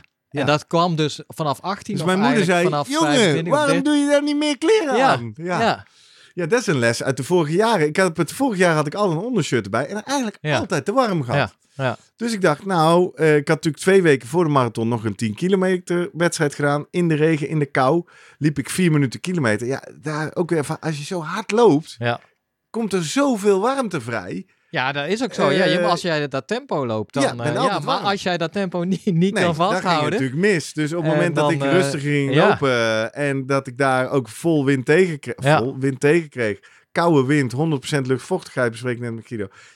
Je zou eigenlijk die vrienden eh, eh, eh, misschien voor de, een andere keer als zoiets weer overkomt, omdat die laatste 10 kilometer kan van alles gebeuren, blijkt dan maar weer Ja, dat je moet of gaan wandelen of in ieder geval ja, hun vragen. En neem nog maar een extra iets warms mee. iets warms mee. Ja. Of eh, duik de decathlon in, zoals ik deed Ja, natuurlijk. ik weet Nee. dus wel, al mijn afwegingen in die laatste 12 kilometer, die hingen echt samen Ja. met warmte. Dus eerst al dat moment in het bos wat ik beschreef, maar ook later in het bos liep ik gewoon te fantaseren Mm, over ja, over die folie, ja. Ik zag ja. natuurlijk wel die dekentjes af en toe. Ik denk, Ja. ik wil zo'n foliedekentje. Op een gegeven moment fietste er een EHBO naast me. Oh ja. Toen dacht ik, zal ik het vragen? Ja, ja. Dan denk ik, ja, maar voor je het weet je word, ik dan niet, veel te serieus genomen. We leggen die Ja, me aan ja. de kant in een brancard en eh, Ja. weet ik veel, moet ik eruit. Ja. Dus ik denk, dat wil ik niet. Op een gegeven moment op dat stuk bij de schermen liep ik ook alleen maar omheen te kijken. Is hier een metrostation? Ik denk, Ja. als ik een metrostation zie... Als bij Ja. Slingen, hè, dat hele stuk Ja. opzij, dan zie je gewoon de stations in de Ja. metro. Ik Ja. dacht, als dat hier was geweest, Ja, had ik erin eh, gezeten. ja. Maar ja, dat was ook niet. Dus daar ja, Nee, maar ik, vond het was een lastige dag om je goed te kleden. Zeker, Dat vond ik al bij die 10 kilometer. Ik had natuurlijk ook Maar, buffje. eh, ja, Zijn mensen, is het niet veel te warm? Ja. Eh, ja. Dus op een gegeven moment deed ik buffje uit. En toen Was vond ik het al koud. Ja. Buff je weer aan. Ik heb bijvoorbeeld ook nergens sponsor gepakt. Jacques Nee. heeft genoten van de sponsor. Oh, heeft ja. zich helemaal afgespoeld. Ik zei, nee Ja. jongen, ik heb één keer gepakt. Even zo'n beetje zweet uit mijn wenkbrauw. Maar dat- ik vond dat water ook zo koud. Dus eh, dat was niet goed. En voor de mensen die het Strava-verhaal niet hebben gelezen. Ja, ik kwam dus bij de finish. eh, fantaserend over warmte. Uiteindelijk ging ik daar even op het hekje hangen. Eh, meteen na de finish. En dat heb ik in een vorige aflevering ook wel verteld. Dat willen ze eigenlijk niet, hè? Want je moet doorlopen. Ja. Want eh, er komen Ja. heel veel lopers achter je aan. Dus ik eh, dacht, nou, heel even hangen. Toen kwam meteen de EHBO erbij. Ja, gaat het wel? Ik zei, ja, ja, gaat wel. Even, even op het hek hangen, ja? Ik loop zo door. Ja, ja, ga maar even hangen.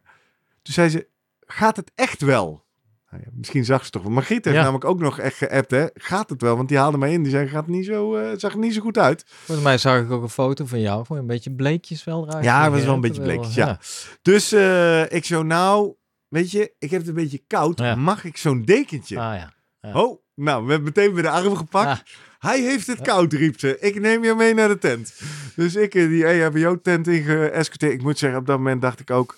Nou ja, laat Prima, maar. als ik dat dekentje maar krijg. hè. Ja, als ik het dekentje krijg. Nou, even één stap terug. Waarom vroeg ik nou ook in het bos niet om het dekentje? De volgende keer dat ik een EHBO zag, dacht ik er weer aan. Maar toen lag er weer een gozer op de grond Ah, onder ja. zo'n dekentje. Mhm. En werd de brancard opgetild. Ja. En ook toen wij de Erasmusbrug afkwamen, 28 kilometer, Ja. brandweer, met, eh, brandweer met zwaailichten, ambulance met zwaailichten.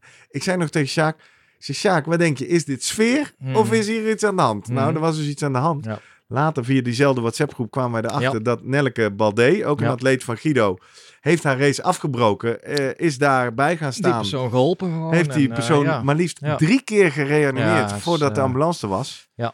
En wist ons gelukkig s'avonds ook te melden dat die persoon het overleefd Ja. heeft. En dat naar omstandigheden Ja, daar schrok ik dan, daar schrik ik van. Ik ook. natuurlijk. Ook Ik omdat we natuurlijk in het verleden, we hebben natuurlijk een aflevering aan gewijd van hoe gevaarlijk is Ja. dan die marathon. En nou ja, dit is gewoon de realiteit. Die, dit soort dingen, met zulke mensenmassa's, hoeveel Ja. 14.000 En zo'n inspanning. Ja, dat gebeuren. Ja, Ja. ja. helaas, maar dit is wel Ik heftig. riep nog tegen En, Sjaak niet ja. kijken, maar Ja. ik keek zelf toch. En het ging me niet in de kou. Het Nee. ging in mijn kop zitten hoor. Dat Ja. was ook dat moment dat ik ook rustiger ging. Maar ook omdat ik, ja, maar zo wil ik het parcours Ja, niet ja, af. precies. Ja. Dus daarom ook bij die tent. Nou, ik die tent in. Er is geen feest, want daar is het helemaal geen marathonfeest. Daar zijn natuurlijk mensen die geholpen moeten worden. Lekkere was, ik liep de tent in. Daar hing een soort warmtegordijn. Dus ik kon alleen maar zo. Ik zei, ja, ja, dit. Oh. Toen eh, werd ik overgedragen aan de ander. Zei, ja, ga hier maar even zitten. Dus hop, thermometer in mijn oren. Ah, toen, ha- toen had ik wel even mijn momentje hoor. Op een gegeven moment zo handen voor mijn ogen. Toen moest ik Mm. even heel hard janken. Ik had ook zo'n pijn in mijn bast, jongen. En in mijn buik en overal. Dacht ik, nee, ik zal niet vloeken. Maar Ja. dat dacht ik wel. Een hele grote vloek. En eh, nou, zij eh, nog een keer meten, want er ging iets mis. En eh nou, riep 34,5, 34,5. Geef die gozer een deken. Dacht ik, ja, dat wil ik ook. En jij hebt het net ook gevoeld. Ja, ja het is een soort ding. magisch spul. Ja. Zelfs als we het hier in de studio, als je het 10 seconden op je benen houdt, voel je al warmte. Ik zie nog eens een aflevering aan mij. Dus ik de ding omgeslagen. En ik denk binnen een minuut of zo, Ja, twee minuten, nog één keer diep uitademen. En toen stond ik op. Ja. Ik zo, zo, ik ga wat te drinken halen.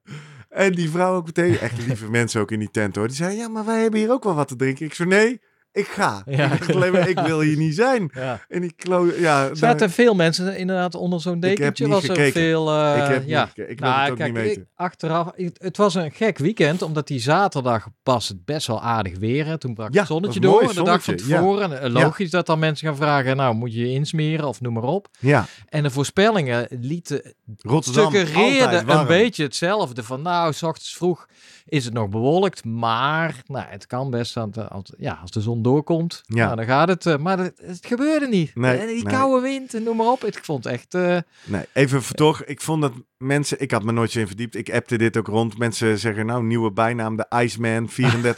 ja, ja, drie nou, graden te laag. Ja. Ik heb nog even gegoogeld. Nee, Daar wordt het nog niet gevaarlijk. En je bent natuurlijk die aflevering ook gehad van Ja. in tegenstelling tot te die kerntemperatuur laten oplopen. Ja, dat is op een gegeven moment wel heel erg link. Maar omlaag, dat kan. Kun je, Kan je wel wat hebben. Ik las. Ja. eh, vanaf 34 graden wordt het min of meer gevaarlijker. En hij mat hem in het oor, hè? Hij mat hem in het oor op Ja. 34,5. Dus eh, volgens mij valt het allemaal wel mee. Eh, zo voelde het ook alsof het wel meeviel. Vanaf vier, onder de 34 word je wellicht verward, Ja. versuft, dingen. En dat waren natuurlijk wel dingen die ik met Guido als rode vlag had afgesproken. ik vond mezelf nog helder. Nogmaals, mijn afwegingskader was inmiddels wel helemaal Ja. Op temperatuur geënt. Dus ik was niet helemaal rationeel. Maar nou, ik, ik had niet het idee dat ik versuft of duizelig of wat dan ook was. Ik was vooral blij dat ik er was. Ehm, en dat is sluit wel mooi aan bij de tip van eh, Nienke. Nienke Kuiper eh, Sleutjes. Nien Sleut op Instagram, die was er ook bij. Knijter blij, zien we hier een foto. Laten we eerst maar even luisteren. Hey Gerrit, wat ik meeneem van de marathon 2023. Het is een ontzettende mindfuck eigenlijk, die hele marathon. Je bent de hele tijd geestelijk in, eh, in gevecht met jezelf. En ik heb ook geleerd dat je altijd meer kan eh, dan je denkt. En ik neem dus gewoon mee dat ik eh, geestelijk sterk genoeg ben om dit te volbrengen. En zelfspeak is heel belangrijk. Ja, dus ik nog even appen. Ik zeg zelfspeak. Wat, wat zei je dan tegen jezelf? Nou, zei je, you got this. Je bent bezig met mensen inhalen. Ja, ik, oh ja, dat herken ik ook wel. Ook in dat bos en ook in mijn laatste uur dat ik het zo zwaar had. Iedere keer als ik iemand echt zag uitstappen, of kramp, of, of ook wandelen, gaf mij dat wel Ja, wel, moraal. Dat ik Ja. En ik, ik weet ook nog goed, eh, vanaf 38 kilometer ga je weer terug door de Boezemstraat. Dan zie je natuurlijk mensen de andere kant op gaan. Nou, daar heb ik ook goed naar gekeken. Ik denk, zo, hier hebben pas mensen het zwaar. En die moeten dat hele Ja, rondje Kralingse ja. bos nog. Ik denk, nou, het valt allemaal nog wel mee met mij. Ehm, dus eh, ja, dat, eh, en dat sluit ook wel aan bij een tip van Wim eh Nieuwenhuizen. Ik zal een beetje versnellen. Wim kwam, kwam ik ook tegen in de CPC, vriend van de show. Goeie loper. Liep, zoals je aan zijn startnummer ziet op YouTube, met een oranje startnummer. Oftewel, deed mee aan het Nederlands kampioenschap. En liep daar ook een clubrecord van zijn club Haag Atletiek. En hij schreef... Ik ervoer vanuit de verhalen op Strava en Facebookgroepjes dat eigenlijk iedereen het wel zwaar had na 32 kilometer. Met ook nog eens die gemene schrale noordenwind. Daar is hij weer, ik, eh, inclusief ikzelf. De neiging is dan om te denken, oh dat overkomt mij altijd. Maar top, oh, zo schrijft hij. Maar toplopers hebben daar nooit, oh ja, wel. Ja. Overkomt mij altijd, maar toplopers hebben daar nooit last van met hun enorme inhoud aan wekelijkse kilometers. Ik had zelf het voordeel redelijk vooraan te lopen, waardoor ik op de Boezemstraat, daar is dat stuk dat je elkaar kan zien, Ja. het, top, het topveld in de holle ogen kon kijken. Ze zaten allemaal stuk. Ergo, oftewel, hoe je ook traint, een marathon finish je niet fysiek, maar mentaal. Goedjes, Wim. Ik weet niet of jij hier blij van wordt of niet blij in aanloop naar volgend jaar. Nee, dit eh, vind ik, eh, nee, dit wil ik eigenlijk niet lezen, wil ik niet weten. ik associeer toch nog dit eh, marathon eigenlijk met, en dat, dat gaan mensen mij misschien wel uitlachen, met 200 kilometer fietsen bewijzen van. Hè? Dat heb ik in het verleden gedaan en ik denk nog steeds dat ik daarvoor, nou ja, dat dat allemaal wel lukt. Ja. Maar ik heb toch het gevoel dat bij de marathon iets anders gaande is. En dan is inderdaad die, die 32, 33, 34 kilometer. Ja, dan gebeurt het. En daar, daar valt dus niet op te trainen of amper. Ja, we hebben het Nou ja. al eerder gehad. Ja, jij Een hebt... jaar geleden hebben we het natuurlijk gehad over marathon volgens het boekje. Ja, wat Eh, was vaker die... emotioneel eh, heel anders. ja. Dat was een marathon volgens het plan. ja, het kan wel. Ja, het, Je kan hem Maar temmen, maar in mijn kloppen. tussenstand zes marathons, Gerrit versus de marathon, is het nu toch 4-2 Ja. voor de marathon. Ja. Vier dat keer vond ik ook wel mooi inderdaad. Hè? Vier keer verloren, ja. Ja. Ik denk bij mezelf, ik moet dit, dit is wel een belangrijk onderdeel van. Dus als mensen praten over zo'n 14 kilometer schema, denk ik, nee, daar, zoiets zou ik nooit op die manier, nee, daar zou ik me veel te onzeker, eh, eh, eh, onzekerheid geven. Ja. Ja, eh, ik heb een jaar te gaan nog, hè? Ja, dus ja. ik ga echt rustig toewerken naar die halve marathon. En inderdaad, eh, toch wel eh, zeker naar de 30 en de 35 ook maar eens een keer keertje hè? aantikken. Ja. ja, keer opzoeken. En om dat in ieder geval ervaren te hebben. Ik kan me ook, ja goed, uiteindelijk, natuurlijk is het mentaal, maar mentaal kan ook heel, heel mooi of positief zijn. Hè? En juist daar weer kracht uithalen. Op, ja, Ja, want dat was mijn wijsheid al in mijn tweede marathon. Het gaat niet om de tijd. Ja. Het gaat om de strijd. Dat is een quote waar ik nog wel eens op gequote werd, maar die ik ook riep tegen Jan Braam, die ik Ja. kennen van de ASM eh, Masters of Movement. Ja. Die kwam ik voor de start tegen, maar die kwam ik ook op 13 kilometer alweer Oh, tegen. En toen Ja. zakte die hard naar achter. Ik zo, eh, Jan, hoe gaat het? Ja, niet goed. Last van Hmm. mijn maag, allemaal tegen. Toen riep ik dus dit tegeltje tegen hem. Jan, dan gaat het voor jou vandaag niet om de tijd, het gaat om de strijd. En daar bedoel ik eigenlijk mee. Je kan eh, voor een PR gaan of je kan voor een basic plan gaan, maar uiteindelijk kom je wat tegen. Ja. Of in de voorbereiding, Ja, zoals ik, of onderweg, zoals ik trouwens ook. ja, En dan, wat ik wel de lol vind, toen al in die tweede marathon en toch zondag ook weer. hoe los je het op? Ja. Los het op. Zoek een manier om bij die finish te komen. En, en dat is dan wat je te doen hebt. En dat vond ik ook. Ik geloof ook daarom dat ik nu met veel meer emotie zondag. eh, Ik heb, moest ook weer huilen. Terwijl je hoort mij vorig jaar zeggen. Ja, vorig jaar was ik na de finish, 10 minuten na de finish, heb ik mezelf afgestoft. Denk zo, plan volbracht. Ja, het klinkt alsof je het ook niet helemaal kan trainen. Hè? Je kan wel misschien wel een keer 30 kilometer of 35. Of, maar het is toch, ja, het lijkt dan toch wel iets te zijn waar je denkt, ja, je moet dat, ervaren. Door, ja, nou ja, de, eh, eh, een- paar keer een marathon te lopen of zo. En ja, dan, dat. eh, En, en wat je wel kan trainen, laat ik zo zeggen. In, ik heb een 35 kilometer training gedaan. mhm. waar ik dit gevoel wel tegenkwam. Waar Ja. ik wat op te lossen had. Ja. Waar alles schreeuwde, ik wil niet meer, ik Ja, wil niet meer, ik wil niet meer. Jij vertelde Maar- dat, hè? Dat ja, jij, toch eh, door. Precies. Ja, ja. Dus dat, daar kun je een beetje mee experimenteren. Hoe voelt dat? Wat doe ik dan? Welke mind dingen helpen mij dan om door te komen? En dat is ook wel mijn belangrijkste inzicht, of een belangrijke les voor mij van deze marathon. En ook wel onderweg. Want ik dacht op een gegeven moment ook, dat visualiseren, ja, ik ben uitgestapt. Mhm. En op een gegeven moment kreeg ik door, ja, maar wacht even. Alles op een hoop gooiend gaat het gewoon om die plak. Er Ja. is gewoon weer een zesde marathon gefinished. En toen dacht ik, oh ja, maar het heeft te maken met schalen van tijd. Want dat lijden, of die PR missen, of in mijn geval weggaan op 3 uur 20 en in 3 uur 35 finishen. Ja, wacht even. Dus een kwartier Ja, heb ik ingeleverd. Een kwartier. Ja. Ja, dus de, dus op de schaal van uren. En, en vertaal dit voor iemand die voor een vier of een vijf uur marathon gaat, gaat dat misschien over half uur of zelfs over een uur. Je ging voor een marathon van vier uur, je deed er vijf uur over. Ja. ja, tuurlijk heb je een, een uur heb je het vreselijk gehad. Maar dat is wel op een schaal van uren. Terwijl dit project Ja, is in reis van ja. maanden. Ja. Ik ben hier in oktober aan begonnen. Jij gaat hier misschien wel nu al aan beginnen.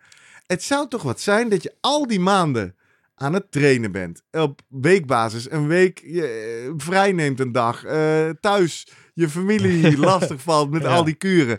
En dat je dan op de schaal van uren die zondag zou Ja. zeggen... nee, ik maak het niet af. Ja. Wat dacht je nou? Ik bedoel, vijf en een halve marathon bestaat niet, hè? Wanneer ga je hem inhalen? Ga je, ga je, ja, dan ben je weer maanden ja, dat bezig. vind ik wel een goeie eigenlijk. Want soms denk ik, jij, jij, hebt ook wel gewandeld even en zo, Ja. stukken. En ja. ik herinner me nog, weet je nog, dat we zeiden beginnersfouten bij de marathon, die afslag. Dat Ja. het had over schaamte en ik hoor daar niet. Dat voelde ik toen ook oprecht. ja. Eh, omdat ik, toen niet. had ik natuurlijk echt disrespect voor de marathon. Hè? Toen had ik gewoon niet getraind. Ja. Dus toen, daar, daar vond ik ook schaamte, omdat ik ook niet daar die maanden opoffering had Ja. gedaan. Toen had ik die maanden wel gedaan. Ja. En nu had ik al allerlei redenen, was ik niet fit om het te lopen. En dacht ik, ja, oké, maar dan maar zo. Ja. Ja, nou ja, omdat je ook het idee hebt als je gaat wandelen om daarna weer op gang te komen, is nog is heel moeilijk. moeilijk. en noem maar op. Zeker. Maar eh, ja, misschien moet ik dat soort dingen ook dan maar, maar, maar meenemen of noemen. Ja, het- het, ja, het gaat natuurlijk uiteindelijk om je doel. En, eh, maar ja, goed, uit dit soort verhalen kom ik achter, die marathon is toch wel even anders dan heel lang op een fiets zitten of, of schaatsen of noem maar op van die ultra dingen. Eh, Nou, wat we toen al over hadden, als je heel lang op een fiets zit, ik kan me dat wel herinneren uit een Amstel Gold Tour versie, had ik ook het laatste uur echt niet meer zoveel zin, was ik ook leeg. Maar wat je doet, je gaat in een groepje fietsen. Precies, Je, en je rolt helemaal uit de wind. en, ja, uit. Precies. En, hier ja. moet je toch echt wel zelf Ja, lopen. Je kan je benen stilhouden regelmatig. Ja. En dat is gewoon met hardlopen is je kan tempowisselingen zijn moeilijk. Hè? Je kan ja, het voelt vaak ook niet goed. Nee, Eh, Langzamer nee, nee, moeten gaan lopen. Dus ik denk dat dat wel eigen is aan, eh, aan deze. Nou, dan eh, nog een stukje inspiratie voor die eh, Ja. mentale kracht. Eén, eh, we kregen op een gegeven moment een video door in onze befaamde Vrienden van de Show WhatsApp groep. Dat was eh, Rob Bode.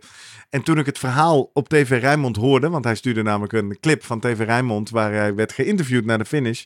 Is het Rob Rode of Bode? Rob Bode, sorry. Ja. Rob Bode. En eh, toen dacht ik ook, eh, nou, nu ga ik twijfelen. Heb ik nou Ja, een typfout op de ik denk dat het? Rode is. Het nou. is rode, hè? Ja. Het is rode. Rob Rode. Sorry, eh, Rob. Ehm, toen dacht ik, oh ja, dit heeft hij ofwel eens op Instagram of via de mail Mhm. al wel eens aan ons Ja. laten weten. Hij heeft een heel Ja. bijzonder verhaal. Ja. En nou, dat is dan ook eventmagie. Uitgerekend Rob wordt dan ook door, de, door Rijnmond voor de camera getrokken.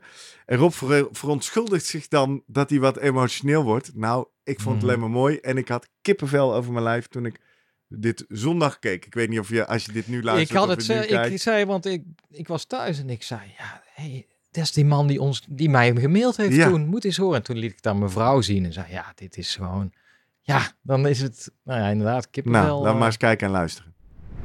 Maar ze zijn ook allemaal kapot gegaan. Absoluut, ja. Vooral vanaf eh 32 kilometer was het echt eh, voor mij in ieder geval heel zwaar.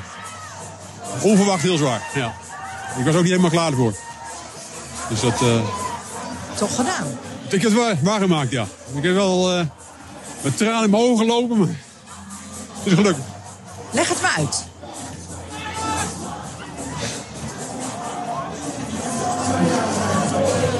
Ja, mijn vrouw is niet gewoon ziek geworden twee jaar geleden. Die heeft in een eh, korte tijd haar een nieren verloren. En eh, ik heb twee jaar geleden gezegd... Ik loop de eerste marathon. Dat is vorig jaar met twee nieren. En mijn tweede marathon dit jaar met één nier. En ik heb in december niet afgestaan aan haar. Dat is gelukt. En ik ben in eh, januari weer begonnen met trainen. Ja, en eigenlijk was het gewoon te kort dag. Maar het is gelukt en zij maakt het goed. Ik ben nu kapot, maar het is goed zo. En nu gewoon bijkomen. Het is, ja, lange 2,5 jaar geweest. En wat eigenlijk weinig mensen weten, dat nierpatiënten met dialyse doen elke week, drie keer per week in de marathon. Eh, een dialyse is zo zwaar, met name de vier uur daarna, dat eigenlijk wel bekend is in, de, in het wereldje van de nierpatiënten, dat die mensen lopen gewoon drie, vier keer per, per week een marathon. En ja, ik heb het maar één keer gedaan nu in, het- in het jaar. Dus dat is... En Deze kracht heeft jou er doorheen geholpen. Ja, absoluut. En je hebt Ik ben heel blij om te horen dat het goed gaat met je vrouw. Ja. Dat jij het gered hebt, ondanks de... Ja, eigenlijk dat het, dat het idioot was dat je het ging proberen... Terwijl je drie maanden terug nog maar een nier hebt afgestaan. Eh, eentje voor jou en eentje voor je vrouw. Oh, Kijk, en dan ga ik heel erg ruzie krijgen. Interesseert me niks. Eentje voor je vrouw en eentje voor de niertjes. Vind je niet? hey, dankjewel. Succes. Tot kijk. Ja. Prachtig. Ik moet zeggen dat ik het nu een paar dagen later nog steeds prachtig vind. Ja. En eh, wat ik hier inderdaad, wat ik hier ook in hoor, wat me heeft geholpen op denk ik in dat inzicht, is het, wat is nou de schaal van tijd? Hmm. Hè, wat loop je nou te lijden in dat laatste uur van de marathon? Of voor sommige mensen misschien anderhalf uur. Nou, prima. Ja. Zelfgekozen pijn. Eh, Jij bent hier aan begonnen, je wilde dit. Ik praat nu even tegen Van Tevelen over een Ja. jaar. Van. Tevelen, jij wilde dit. Dus nu ook gewoon doorstappen naar die finish. Want ja, dat maakt het ook natuurlijk een mooie, een mooie plak. Hè? En, en uiteindelijk, uiteindelijk heb je gewoon de marathon dan Ja. volbracht. En of dat laatste uur nou een verval had van 80%. Ja, ja, tuurlijk. Het zou mooi zijn als je kan temmen. Heb ik nu ook twee keer ervaren. Als je de baas Ja. bent van de marathon. Maar dat, is, ja, Maar dat ja. hoeft niet. Dat, eh, ja, het kan, het iedereen doet het op zijn, op zijn zeg, manier. Ja. De tijd, een mooie tijd is leuk, maar een mooie strijd is net zo leuk, toch? Dat geeft, leuk, dat geeft een verhaal. Ja. Prachtig. Over mooie tijden spreken. Ik ga nog twee eh, luisteraars eh, of vrienden van de show eruit lichten. En dan gaan we ook langzaam naar een punt in deze aflevering. En dat zijn, nou, dat is Menno, maar op de foto zien we ook Jesse. Menno van Bohemen en Jesse van der Graaf. Twee eh, mannen uit Houten die eh, de afgelopen maanden steeds meer eh, dichterbij zijn gekomen. Met hun samen de CPC gelopen, vrienden van de show. En Menno is ook de man die die prachtige Google Drive heeft gemaakt voor de supporters. Als je deze aflevering later hoort of je gaat supporteren, geweldig. Kun je je tijd invullen van degene die je volgt en dan kun je precies zien wanneer je hem waar kan zien. Ehm, Menno heeft eh, maar liefst, hè, die appte als mijn grootste les was, ik heb eh, afgelopen eh, winter enorme progressie geboekt en ik wist maar liefst 59 minuten en 26 seconden van mijn PR af te lopen. Te gek! Ja, ik denk, Menno, gefeliciteerd. Wat is dat nou voor les? Dus ik zei, ja, hoe dan? Wat heb je anders gedaan? Hij zei, ja, ik weet niet. Eén, het leest een beetje alsof Menno, net als ik, een beetje on, onaangeboren talent is. Hè? Hij zegt, mijn eerste Ja. marathon Rotterdam was in 2021 in 4 uur 19. Vervolgens half jaar later 3 uur 52 al in Rotterdam, hier eh, onder de 4. Eindhoven nog een keer gedaan, 407. En Rotterdam eh, dit jaar dus in 2 uur 52 Zo, minuten. ja, Dikke sub Ja, 3. ja. Eh, hij heeft veel plezier gehad van de, de stride. En met name de voorspellingen die stride doet. Omdat hij zegt, ja, die geeft je dan dingen. je denkt, nou, dat kan ik toch nooit. Ga het maar proberen. En hij kon het. Ik weet dat eh Menno en ik dit gesprek ook voor de CPC nog hebben gehad. Hij zei, ja, strijd zegt dat ik dit kan. Ik nou, Ja, ja. Ga het proberen dan. Ja. Ja, het bleek hij ook fantastisch hard te lopen. Dus eh, Jeetje, daar zit nog wel wat in het vat misschien, als hij het zou eh naast hem staat een hele blije Jess van de Graaf. Die liep zijn eerste. Hm. Die kwam ik vrijdag op de expo nog tegen. Ook lekker alle zenuwen. En die heeft het ook fantastisch gedaan. Hartstikke scherpe tijd. En waarom eh shout-out naar die mannen. Dan kom ik terug op het thema van deze aflevering en deze marathon. Samen. Samen met vrienden van de show. Samen sporten doen we ook bij de Uilentorenloop.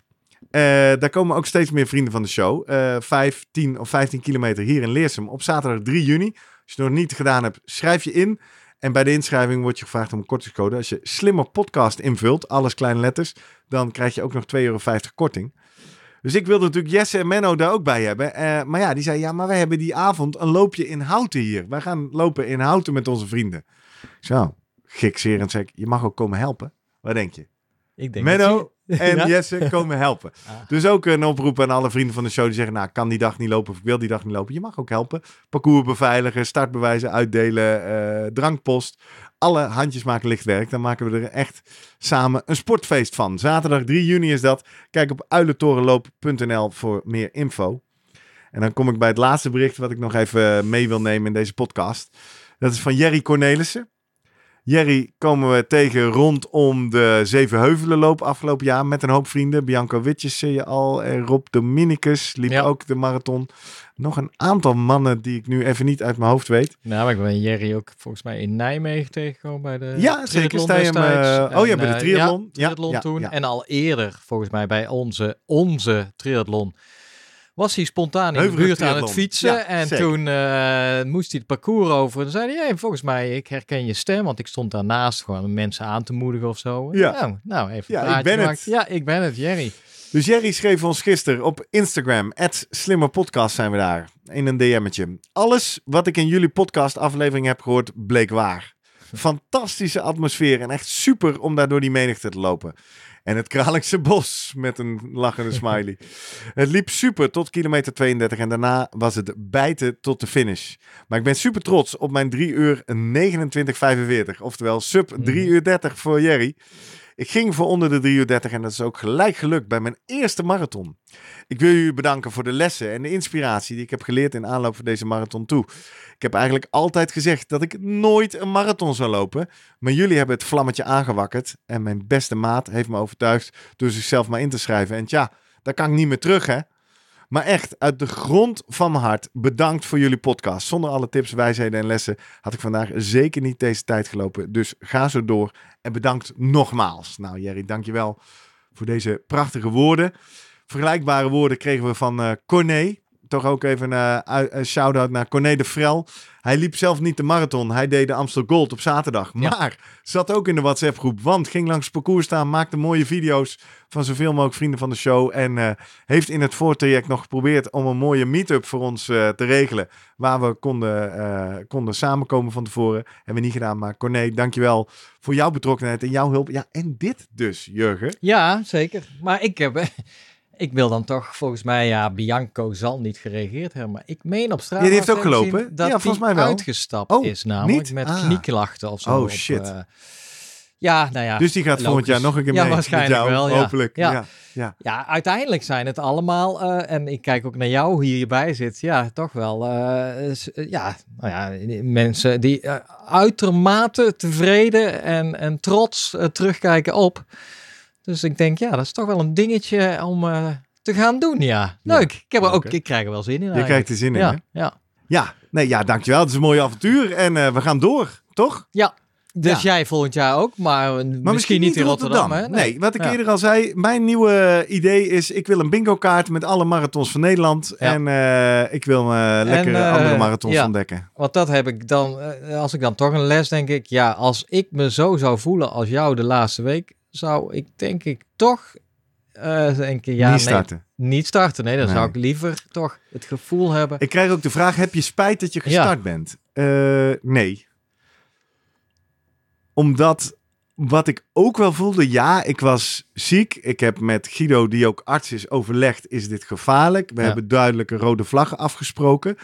En ik heb natuurlijk wel, wacht even. Ik ben ook knijterfit, zei ik net ook tegen Guido. Met een, een CPC in 90, onder de 90 Ja, ja. minuten, met een 10 kilometer onder de 40. Dus ik dacht, ja, nou ja. En volgens mij stond jij maandag gewoon eh, weer te springen. En, niet eh, normaal, joh, met die ja, benen. Niet normaal wat er aan die benen, wat, maar ja, wat Guido al zei. Veel volume en belastbaar. Ik ben lekker belastbaar. Nou ja, en de ervaring is er, hoewel het 2-4 is in het voordeel van de marathon. Ja. Ja, dat je toch ook iets hebt. Ach, het, ook als ik dus eh, bergen af, eh, eh, afwaarts gaat en ik het zelfs in mijn hoofd krijg van ik wil stoppen, waar is het dichtstbijzijnde metrostation?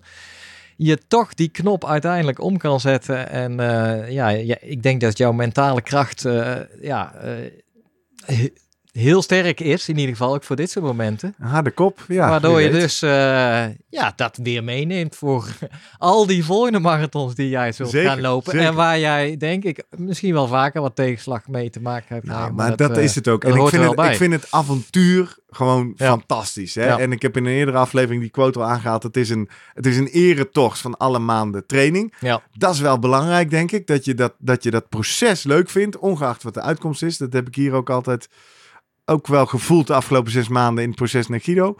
En die tweede, die deelde ik nog in de WhatsApp-groep ook. Dat is ook zo'n Facebook-post met eh, hoe lang doet de gemiddelde persoon over Oh een marathon? Ja, ja, ja, en dan, ja, een gemiddelde persoon doet Sterk. geen marathon. Dus het grappig. feit dat je hem doet, dat je het aangaat, dat je gaat starten, dat maakt natuurlijk al bijzonder. En dat is ook denk ik wel ook die denkstap. Op een gegeven moment denk ik, ja, wacht even. Uiteindelijk telt gewoon dat je gewoon zes fucking marathons hebt gedaan. Hè? Boeien, boeien dat dat laatste uur niet ging zoals gepland. Ja, maar ik ben, Finishen. ja, ik zat te denken, want je gaat ook nog een halve triathlon doen. Ja, maar volgens mij kijk je daar heel anders dan tegenaan, of niet? Van, het is toch Nee, iets... ik heb de naïeve gedachte Ja. dat dat op een Ja, of andere manier minder zwaar Ja, is. nee, ja dat gevoel heb ik namelijk ook als, ik, als we er zo over praten. Van, oh ja, ja, die ga ik nou, daar ga ik me nu op focussen Ja. of zo. Maar ja, die is al best eh, wel snel natuurlijk. Ja, relatief. 26 juni zeg ik uit Ja. mijn hoofd. In ieder geval derde weekend van juni in Ja. Zeewolde. Ja, ik, oh ja, ja. dat moet je ook nog even gaan doen dan. Maar ja, Ja, maar dat komt dus, ja, nogmaals, misschien ga ik daar weer veel te naïef Ja. in. Omdat ik daar vorig jaar was, ook met een, een zeer slechte voorgaande week. Daar gewoon helemaal niet uitgerust, helemaal niet fit. En dat ik daar wel een soort van de Jacomina diesel Ja, voelde. ja. Dat ik denk, ja, dat is toch weer nog rustiger. is nog meer dieselen. Ja, Ja, eh, ja, op die manier. Dat je, want je, ja, je bent dan hoeveel uren onderweg waarschijnlijk? Geen Eh, idee nog. Nee, Nee, nog helemaal niet uit durven rekenen. Nee, Nee, nee, Ja. dat weet ik niet. Ander, Gaan we dan wel eh, zien. ander soort Het leuke daar ja. weer, wat ik daar weer leuk vind, dat is weer mijn eerste. Ja. En dat zei ik ook tegen iedereen die de eerste marathon ging doen. eh Juriaan en Jesse en Michel en al die mensen. Ja, weet je, de eerste is sowieso een PR. En weet je, wat, er- Ja. dan is het natuurlijk echt uitlopen, of, of in dit geval van die triathlon finishen, het doel. Nou, we ja. later wel eens over tijden hebben. Ik kan nog altijd zeggen, dat laatste stuk heb ik inmiddels gelopen. Dus ik kan volgend jaar... Je parcours verkend. Ja, precies. Nou, het lijkt me leuk om jou te gevolgen op eh, reis die daar naartoe. Is goed, als ik Eh, vragen heb of eh, twijfels, dan eh, weet ik je Dan gaan we dat hier bespreken Ja. en dan hangen we daar een aflevering aan op. Als die, als die vroeger maar niet komt van met zijn vermogensmeter die ik om moet gaan doen. Nee, Precies. ja. Dus nieuwe aflevering. Er komen een paar mooie afleveringen aan. Volgende week gaan we het helemaal niet hebben over hardlopen. Gaan we het hebben over onze bijeenkomst van de Masters of Movement bij de ASM. Horen we Vern Cambetta, internationale topcoach. Leuk. Horen we René eh Winter, Wormhout. Over eh, wat hij doet met het Nederlands elftal als kracht- en conditiecoach. en ben ik ook eens met Gregory Sedok wat gaan reflecteren op zijn eh hordenloopcarrière. Dus dat is een leuke aflevering. We gaan het zeer binnenkort weer meer over wielrennen hebben. Onder andere zit er dans in jouw cadans. Leuk. Wetenschap over cadanstraining. Traptechniek. Ehm, en we gaan het hebben over motivatie. Interne, intrinsieke, extrinsieke motivatie. Mooi, aansluitend Ja, op deze aflevering. ja. Met Gerbe Bakker eh, uit Delft. Dus eh, mooie aflevering eh, in de pijplijn. Er komt nog een sportlab aan. En we gaan natuurlijk weer live. 11 mei gaan we naar Doetinchem. Slimme Presteren podcast on tour. Gaan we sportmythes doorprikken in het eh Wielercafé. Parijs is nog ver. Ja. En eh, dat is openbaar en toegankelijk voor iedereen. Dus eh, volg eh, even de link via de nieuwsbrief, de wekelijkse nieuwsbrief, de socials. Eh, voor ja, wielrenners, hardlopers, triatleters, Ja, gewoon onze community. Nou Iedereen ja, in het, mag ik dan zeggen, oosten van Nederland? Ja, toch? Hele brede strook. Eh, woon je in de buurt van de Duitse, Duitse grens? Of heb je zin om een stukje te rijden? Kom naar Doetinchem op 11 mei. Duitsers. Duitsers ook welkom, toch? Ja, we spreken kein Ja. Duits eh, in die podcast. Hè? We reden Nee. Duits. Anyway, als je nou zegt, ja, maar social media, hoezo dan? Waar eh, kan ik dat dan vinden? Dat zal ik je uitleggen. Wij zijn de Slimmer Podcast op Twitter en op Instagram. Daar maken we van iedere aflevering een post. Die kan je dan eh, een hartje geven, die kan je liken, daar kan je op reageren. En ga ons vooral even volgen op die kanalen. En tegenwoordig ook op LinkedIn, de Slimmer Presteren podcast. Met iedere week een eh, slimmer eh, tip om slimmer te presteren op je werk. Leuke studie erbij, link naar een oude aflevering. En ook op vrijdag de aflevering van die week. En ik had het over een nieuwsbrief. Nou, als je daarop wil abonneren, zou ik altijd doen. Want dan weet je hoe je bijvoorbeeld een gratis eh, shirt kan bemachtigen. Of eh, waar wij aan de start gaan verschijnen. En ook waar de aflevering die week over gaat. Ga dan naar www.slimmerpodcast.nl. Dat is onze website. Daar vind je al die afleveringen met een eigen pagina. Maar dan krijg je ook zo'n pop-up van meld je nu aan voor de nieuwsbrief. Of dat kan ook via de contactpagina. Stuur eh, deze aflevering door naar eh, vrienden die ook eh, de marathon hebben gelopen. Of als jij nou in deze aflevering zit, als een van de vrienden of vriendinnen van de show, stuur hem door naar al je vrienden en familie. Pak de link op op www.slimmerpodcast.nl. Of ga naar, je kan ons mailen via post.slimmerpodcast.nl met al jouw vragen, suggesties, anekdotes, tips voor Jurgen op weg naar zijn marathon. En wat niet al zei, suggesties voor toekomstige afleveringen. Jouw ervaringen, vind het allemaal leuk. Zeg altijd er veilig even bij. We lezen het altijd meteen. Kan soms even duren voordat we tijd vinden om even netjes te antwoorden. Maar, eh, Ja, maar komt als altijd die, terug. die tips nu komen, dan ga ik me daar natuurlijk eh, Dan, eh, meteen, op Ja, ja, reageren. leuk Dus, man. ja. Goed, dat was hem. Rotterdam Marathon 2023, de nabeschouwing. Ja. Het is weer een heel, hele lengte geworden. Waarschijnlijk twee, drie autoritjes voor jou die nu luistert. Misschien wel een paar duurlooptrainingen. Lekker fietstochtje. Misschien wel een marathon. Misschien, nou, Nou. zo lang is hij niet geworden. Nee. Dank voor het luisteren. Fijn dat je erbij bent. En als je zegt, hey, ik wil ook vriend van de show worden. Ga naar vriendvandeshow.nl slash slimmerpodcast. Doneer één kop koffie in de maand. Het liefst in één keer voor het hele jaar. Dan zit je ook in die Strava club. Zit je in de WhatsApp club eh, groepen als je wil. En dan hoor je er helemaal bij. Toch? Ja. Jurgen, dankjewel. Tot, tot volgende week. Tot volgende week. Hoi.